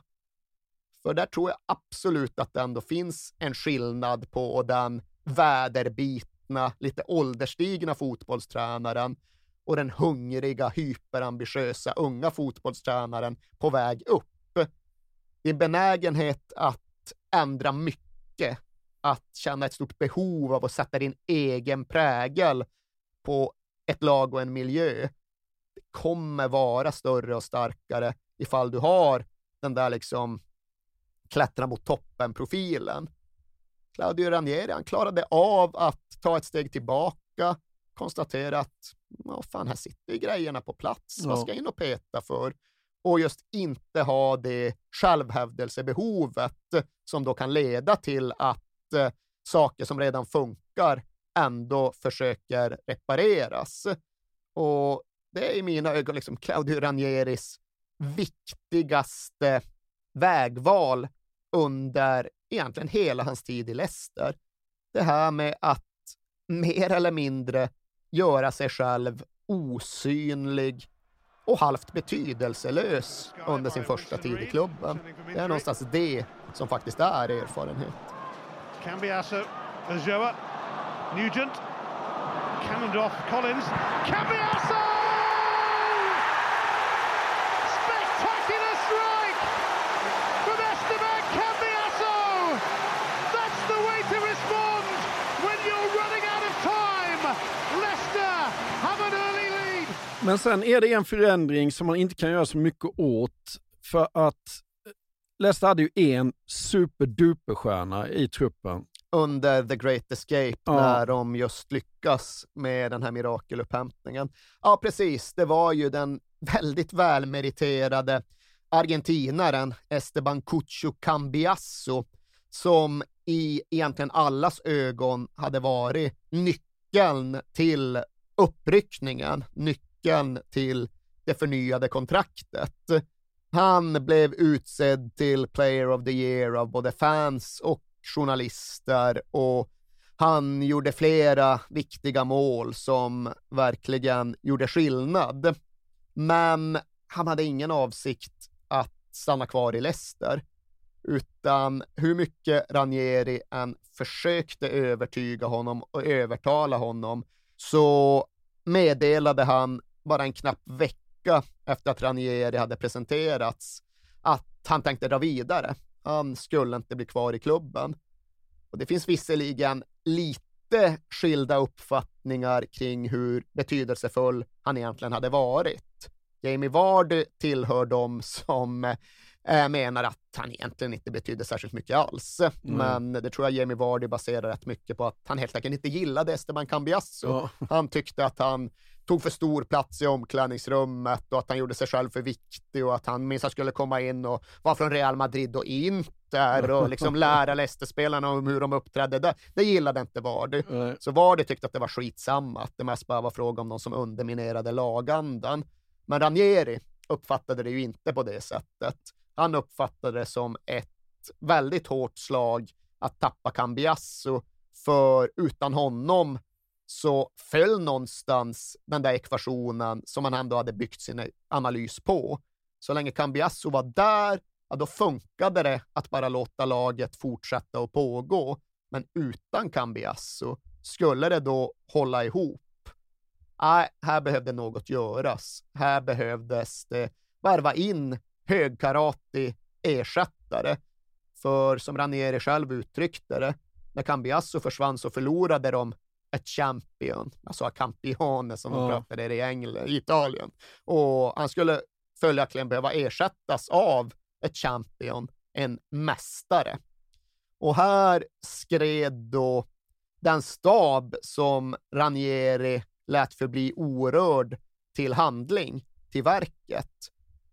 Och en sak som var lite anmärkningsvärd med Leicester vid den här tiden, det var att scoutingavdelningen hade ovanligt stor tyngd, ovanligt stort inflytande i klubben. Chefscouten som hette Steve Walsh, han var inte bara chefscout, han var chefscout och assisterande manager på en och samma gång. Och det är en väldigt ovanlig skrivning, en väldigt ovanlig position. Men den kom sig ju just av att Leicester ville binda samman rekryteringen med den faktiska A-lagselvan. Det skulle vara svårare att bara kassera en ny värvning ifall Steve Walsh fanns där som brygga mellan scoutingavdelningen och A-lagstränaren. Och det där fick dem att fungera väldigt väl. Han har väl jobbat med honom i Chelsea också va? och litade på honom? Uh, Ranieri tänker Ja. du? Ja, så, så var det ju. Eh, och Walsh var ju inte ensam i den här scoutingapparaturen, utan den var för tiden väldigt välutvecklad och även väldigt databaserad, knuten till siffror och evidens. Och därför var det liksom så att de började i den ände där de egentligen alltid börjar när de, ska, när de skulle rekrytera. De använde sig av sin analysmodell, sina datasystem och knappade mer eller mindre in vilka egenskaper och vilka kvaliteter som de tyckte sig vara ute efter.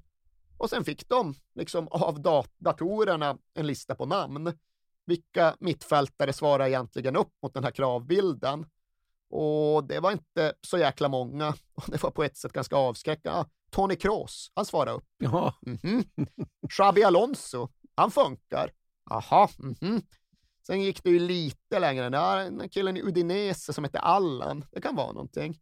Och ja, det kunde det ju. Allan, han har ju hamnat i Premier League nu. Han har värvats av Carlo Ancelotti i Everton. Men den här sommaren blev det inte den flytten. Det Leicester istället gjorde var att de gick på Gökan Inler från Napoli. För han svarade upp mot kravbilden på en mittfältsmästare. Det här var liksom inget okänt, oprövat namn, utan det var ju den schweiziska landslagskaptenen som gjort fler än 80 landskamper och som var väletablerad nere i Serie A, som Claudio Ranieri inte tyckte sig behöva något datorsystem för att känna sig trygg med, utan som han kunde ta in mer eller mindre utifrån sina egna erfarenheter i Serie A. Så där hade de honom. Gökan Inler var den stora värvningen, Cambiassos ersättare. Men samtidigt när de ändå satt där med sina mittfältsmoduler, det fanns ju några andra namn som också kunde vara intressanta, lite sådär som bonusvärvningar. För vad fan, titta på de här jävla pappren, titta på de här sammanställningarna och lägg märke till hur ett och samma okända namn faktiskt dyker upp i mest varenda topplista vi söker på. Och då hittar de den största juvelen man har sett nästan. Ja, det finns en del konkurrens i just den här spelartruppen, men de avtäcker ju sannerligen en ädelsten som kommer att gnistra och glittra allt mer ju fler som faktiskt bemödar sig med att titta noga. Men i det här skedet så var det egentligen bara Leicester och för den delen deras datorer och för den delen även Steve Walsh med hans nakna öga som uppfattade vad som egentligen dolde sig nere i Cannes i den franska ligan. Det var de som insåg vilken nytta lilla N'Golo Kanté faktiskt gjorde. För precis som alla andra klubbar så gjorde ju de sina anpassningar av de vanliga sökfunktionerna i de här analysprogrammen. De kodade själva och fick på så sätt fram delvis andra resultat. Och många av deras moduler hade lite extra fokus på grejer som skedde utan boll. Och det häpnar om att fan, hur vi än söker, bollvinster, bollvinster som inte kostar frispark, löpmeter, täckta ytor. Fan, det är ju bara ett och samma namn hela tiden. Och det är inte Tony Kroos eller Xabi Alonso. Det är den här lilla okända killen som heter N'Golo Kanté. Liksom, Claudio, kom och kolla på det här. Liksom. Har du sett vilka siffror vi får fram?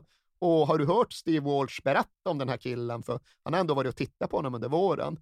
Och han är bara, ah, jo, men visst, men vi ska ändå ta in en mästare här. Liksom. Det får bli Gökan Inler. Den här lilla killen, alltså. Visst, jag ser era siffror, men det är ändå franska ligan, det är Cannes, det går inte att överföra till Premier League. Jo, men alltså vi har gjort speciella sökkorrigeringar och Cannes spelar egentligen väldigt likt Leicester. Det skulle kunna funka precis likadant i vår spelmodell. Men det är en annan liga. Titta vad liten han är. Han har inte fysiken.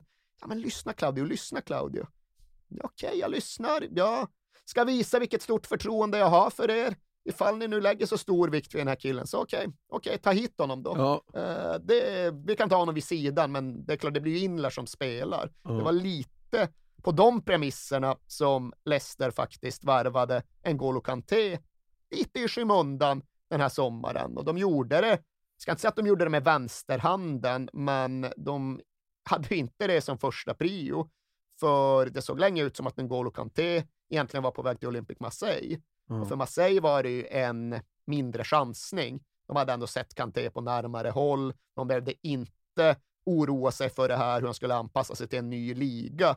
Så där var det väl ändå rimligt på ett annat sätt. Men Marseille är ju den klubb som de är, så de började ju försöka förhandla ner priset och de började försöka komma med avbetalningar och utbytesaffärer och avskrivningsmodeller och det blev bara krångligt allting. Ja. Och för Leicester var inte det här en särskilt stor affär, en stor apparat, så de bara okej, nu har Claudio ändå sanktionerat det här, så vad vill ni egentligen ha? Uh, vad, vad det nu var, 60 miljoner. Okej, visst, där har ni 60 miljoner. Ja. Och så var det klart från en dag till en annan egentligen.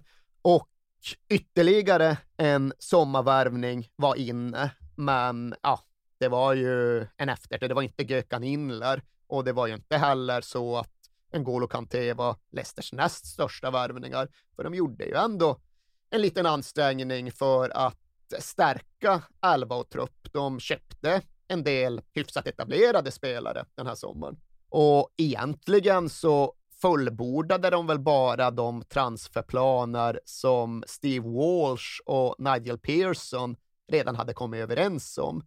Redan under våren då Pearson blickade framåt så hade de två tillsammans tittat på Kanté, men de hade ju därtill egentligen spikat värvningarna av Christian Fuchs, österrikaren, Shinji Okazaki, japanen från Bundesliga och för den delen även Robert Huth som hade varit där på lån men som nu skulle göras permanent.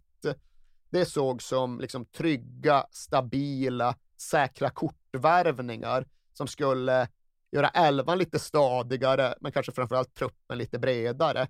Och det var Nigel Pearsons värvningar som egentligen bara Ranieri satte en bock i kanten på och tillät genomföra. Ja, för det är bra med sig. Den enda värvningen Ranieri egentligen gör, Ja, det är Inler. Inler. Ja, det är hans gubbe. Det är så vi går in i den här säsongen. Alla ja. de andra nyförvärven, det är Nigel Pearson och så Steve Walsh Exakt. kille. Ja.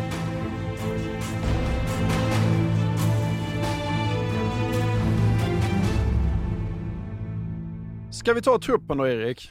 Ja, men det kan vi göra och då kan vi verkligen passa på att betona det här som vi nämnde i inledningen, att det här är en trupp som i stort sett enbart består av misfits, av rejects, alltså av ratade spelare som skickats neråt i fotbollshierarkin av klubbar som helt enkelt inte trodde på dem.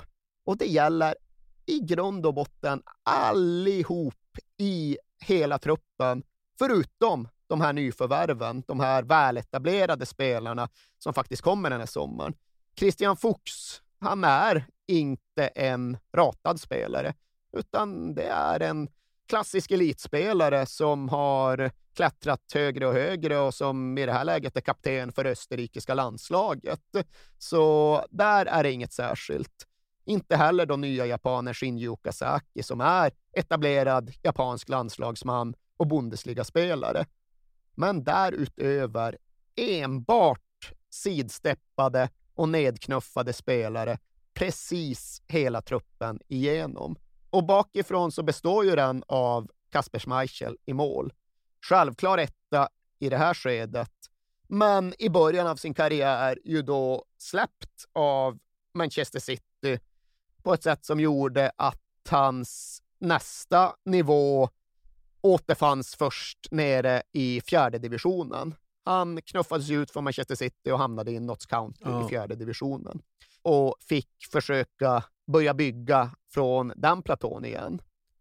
Framåt i backlinjen då så fanns det två stycken spelare som konkurrerade om platsen som högerback. Och det är då Danny Simpson och belgaren Richie Delette. Och båda de hade blivit släppta av Man United där de hade haft ungdomsår. Innanför sig kaptenen Wes Morgan som i unga år inte fick vara kvar i Notts County hemma i Nottingham, alltså Notts County andra klubben i Nottingham. Klubben i fjärde divisionen där Kasper Schmeichel en gång tvingades inse att han hade hamnat. Där fick inte Wes Morgan vara kvar. Sen så lyckades han ändå kriga till sig en möjlighet i Nottingham Forest, men där bedömdes han vara så överviktig att han var tvungen att banta ner sig nästan 15 kilo innan han ens skulle kunna komma på tal för att spela i deras juniorlag. Bredvid honom Robert Hutt som visserligen etablerat sig som en typ av Premier League-spelare för de lägre nivåerna, för kontraktskrig, men som ju också blivit såld av Chelsea utan att den klubben funderade på det eller sörjde det ett ögonblick. Utifrån de här spelarna så skulle en fyrbackslinje komma att formeras. Wes Morgan och Robert Hutt var självklara som mittbackar. Sen var det konkurrens om ytterbackarna. Danny Simpson och Richie Delight till höger och eh, Christian Fuchs, den nya österrikaren och den egna Jeff Schlupp, en spelare från den egna akademin, till vänster. Lite längre fram i planen så var ju då tanken att Gökan Inler skulle komma in som innermittfältare. Men när han väl kom så hade en annan duo redan hunnit sätta sig och den släppte ju sen aldrig greppet. Och den bestod ju av Danny Drinkwater, utknuffad från Man United, och N'Golo Kanté, ignorerad av precis hela Frankrike.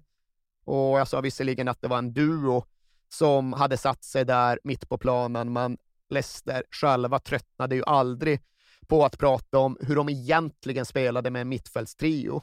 För de hade Danny Drinkwater där i mitten och så hade de en Golo Kanté till vänster om honom och en Golo Kanté till höger om honom. Han spelade för två och det trycktes ju en jävla massa t-shirts med den där parollen om hur 70 procent av jordens yta minsann täcks av vatten och de övriga 30 procenten täcks av en Golo Kanté. Ranieri sa ju också att en vacker dag kommer jag få se en Golo Kanté slå en crossboll som han tar emot själv. Ja, precis. Slå ett inlägg till sig själv och Ja. avsluta. Ja. Och det faller ju bara på att han sällan kom in i boxen för att avsluta, Nej. men annars var det säkert fullt Ja. möjligt. Ja, men de två blev ju helt självklara och i den mån någon av dem saknades så blev det inte Gökan Inler som tog den platsen, utan då var det Leicesters, jag ska inte säga egna son Andy King, för Andy King hade ju minsann också blivit utknuffad från Chelseas akademi, men sen hade han tidigt hamnat i Leicester och blivit kvar där. Och han var ju en sån där kille som faktiskt hade varit med klubben nere i tredje divisionen. Och det var inte alls så många år sedan de befann sig där, men sedan stannat kvar och följt med och drivit på hela vägen tillbaka upp i Premier League. Men han var ännu en av de ratade spelarna, precis som de två yttrarna såklart. Där fanns Mark Albrighton som skoningslöst skurits bort från sitt älskade Aston Villa. Och där fanns framförallt Riyad Mahrez som precis som en Golo Kanté hade ignorerats av exakt hela Frankrike under tonåren och under tiden då det var tänkt att han skulle bryta in i proffs och seniorfotbollen. Och framför dem, högst uppe på topp, ja, där fanns nya Shinji Okazaki från Mainz då. Och där fanns även ett alternativ som utgjordes av Leonardo Joa, en vandringsman från Argentina, från norra Patagonien, som egentligen hade varit ute på en ändlös fotbollsexpedition från det att han var 15, som aldrig hade fått något stort genombrott, men som krigade på på andra sidan jorden för att ja, försörja familjen och göra livet bättre för dem där hemma. Och de två fanns, men det fanns ju även en tredje kille, eller ett första namn. För fokuspunkten, centralfiguren, summeringen av hela detta Leicester City, vilka de var, vart de kom ifrån, hur de uppträdde, ja, det var ju nummer nio, Jamie Vardy. It's a poor ball and Vardy's in behind. Here goes Jamie Vardy. Is this his moment? It surely is. There is nothing more certain than Jamie Vardy scoring when he sets his eye on the net. 2-1 Fleetwood. Guess who? Ska vi prata lite mer om Jamie kanske? Vi ska det och vi kan göra det genom att trampa in i själva säsongen. För Leicester City inleder Premier League-säsongen 2015-2016 med en hemmamatch mot Sunderland. Och jäklar vad de trycker ifrån direkt. De gör 3-0 de första 25 minuterna. Och faktum är ju att den här premiärens stora man, det är ju yttern Mark Albrighton. För vi gick ju igenom hans hemska sommar, det trauma som det innebar att konstatera att svärmor faktiskt blev mördad nere i Afrika. Att någonstans försöka kombinera omsorgen med den egna familjen med Premier League-fotboll i en becksvart tid och som därför såklart hamnade i rampljuset på ett hjärtvärmande sätt när han går in i den här premiären, gör två assist, gör ett mål själv och som pekar upp i himlen när han har satt det där målet.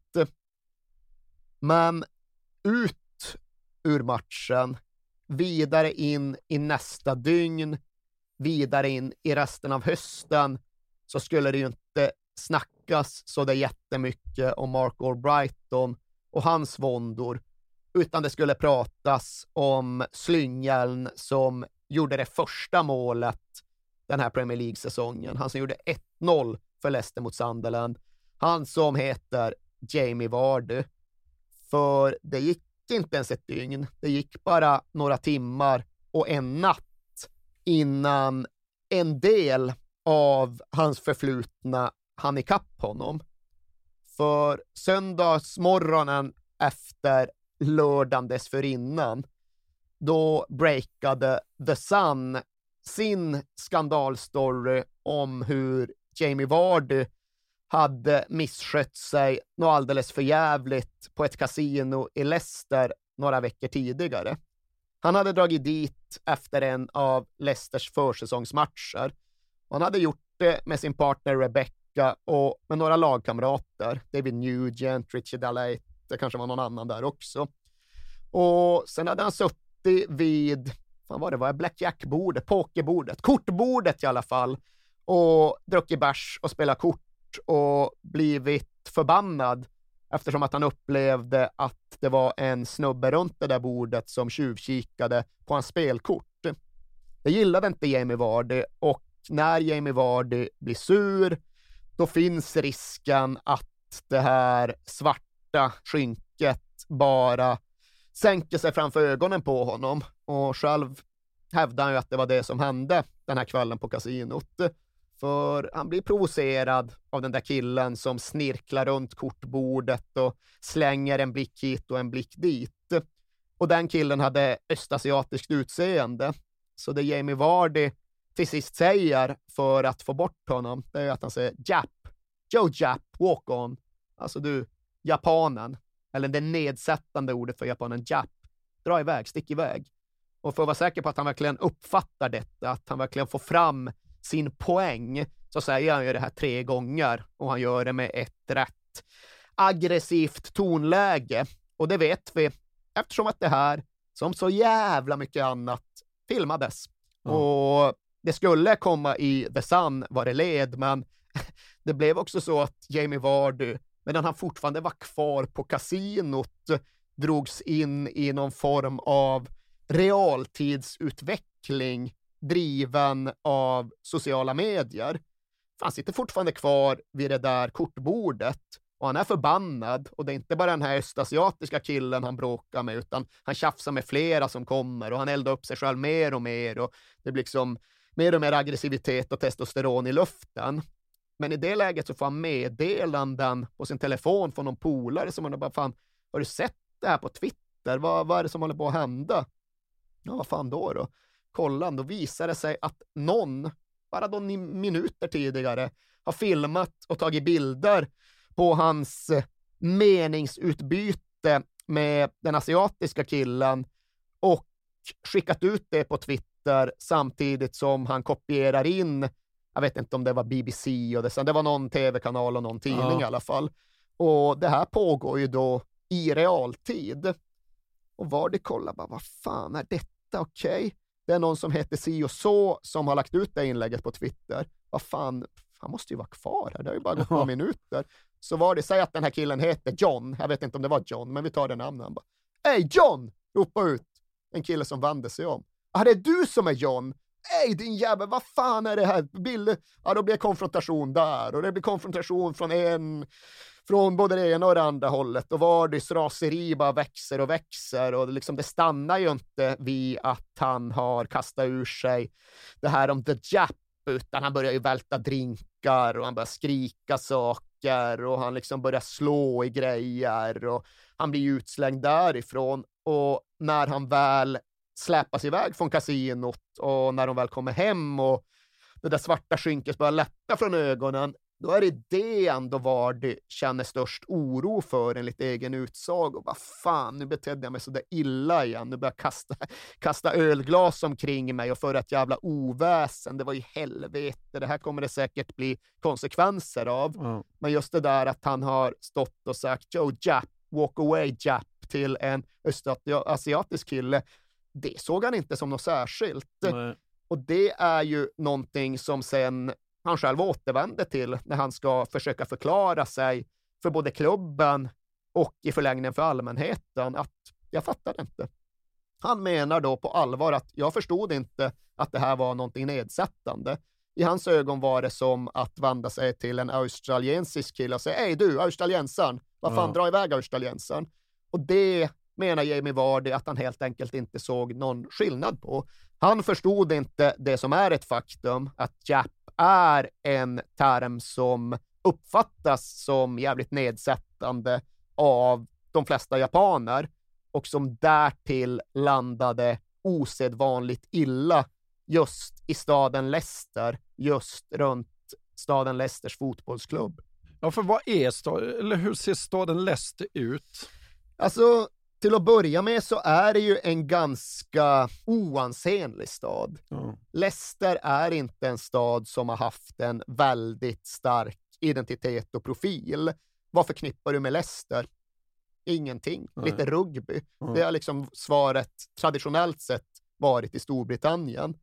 Men sen förändrades Leicester under andra halvan av 1900-talet och det som kom att bli stans kanske allra mest utmärkande drag, det var ju mångfalden. Ja. Det kom att bli en helt annan demografisk fördelning i Leicester runt år 2000 än det hade varit i Leicester runt 1950. Det var en av de absolut första städer i Storbritannien, i Europa, där majoritetsbefolkningen var icke-vit. Ja.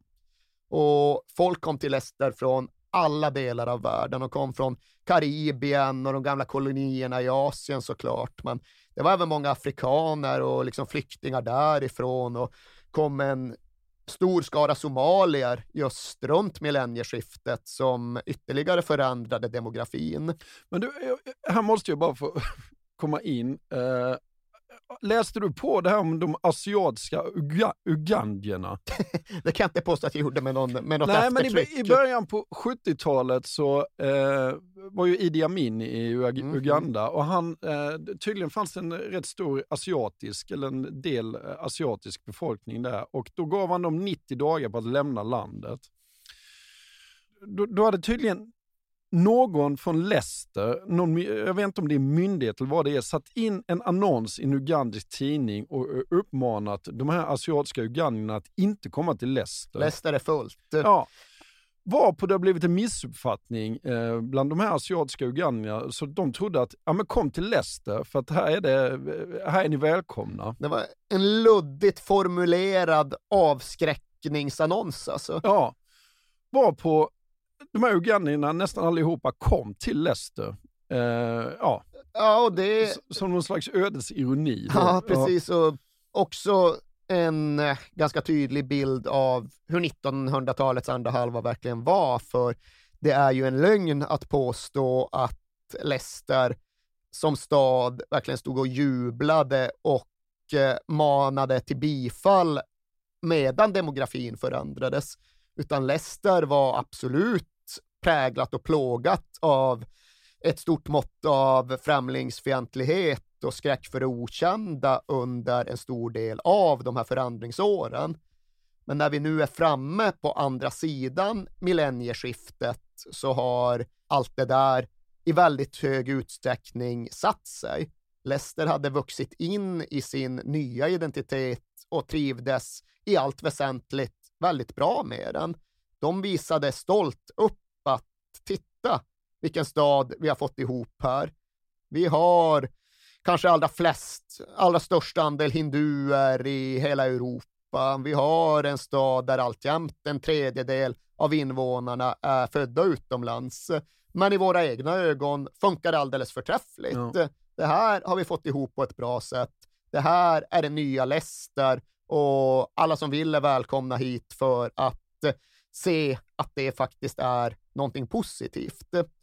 Och på så sätt hade ju även det nya Leicester City limmat ihop väldigt bra med den framväxande identiteten.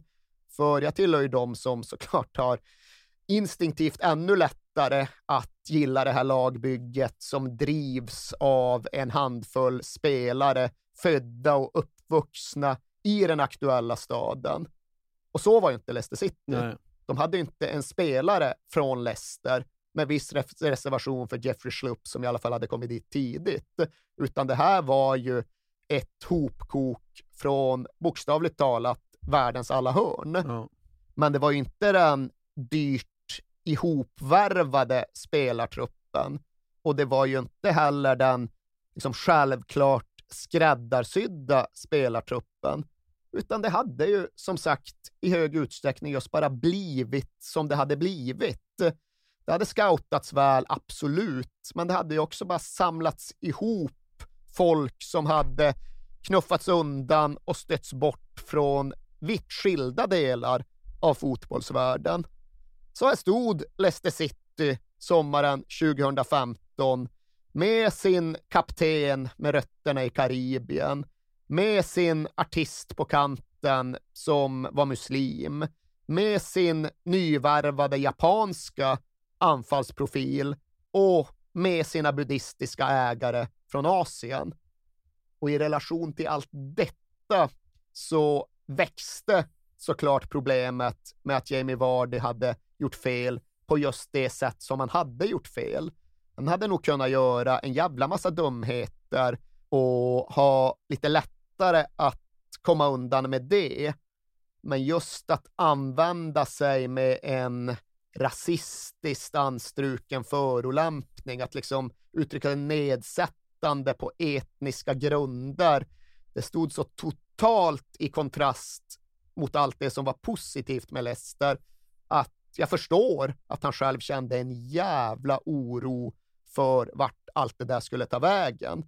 För det gick som sagt halvannan vecka från det att incidenten faktiskt inträffade till det att Jamie Vardy själv förstod vad det var han hade gjort och sagt till det att The Sun fick ut storyn och gjorde det omöjligt för klubben att ducka ett beslut.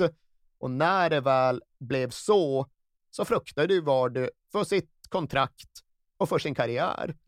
För med fog så tänkte ju han tillbaka till hur det hade varit i början av sommaren. Hur Leicesters thailändska ägare hade resonerat när det hade förekommit rasistiska förolämpningar mot asiater och när det hade uppstått en stor PR-skada i det brobyggarmaskineriet som styret ägnade sig åt. Ja, fan, det går ju att dra en linje från den sparkningen till den här situationen. Och när Jamie Vardy satt och oroade sig och våndades, ja då drog han ju själv den linjen. Han trodde att det var så det skulle bli.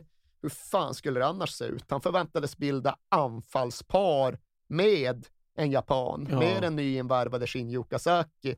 Och om någon av de två skulle behöva offras så inte fan var det Okazaki som inte hade gjort något fel, Nej. utan det var ju han.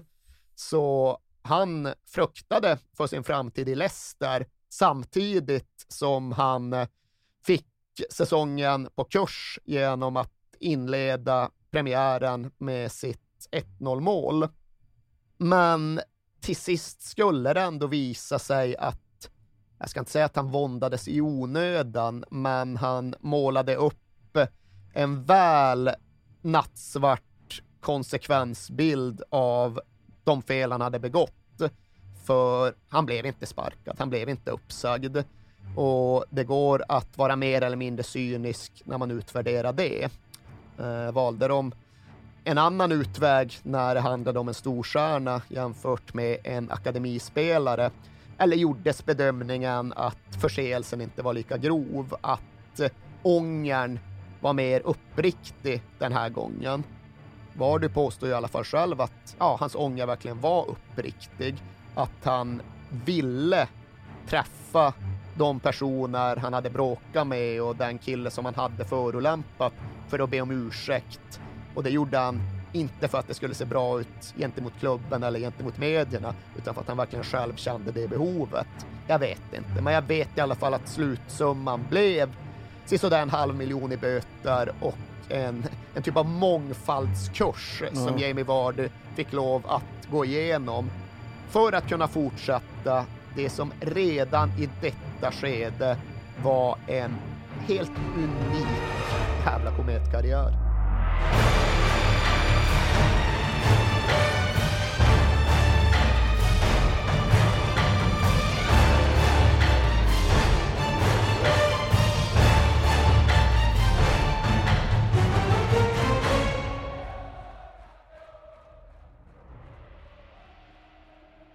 Här podcasten är producerad av Perfect Day Media.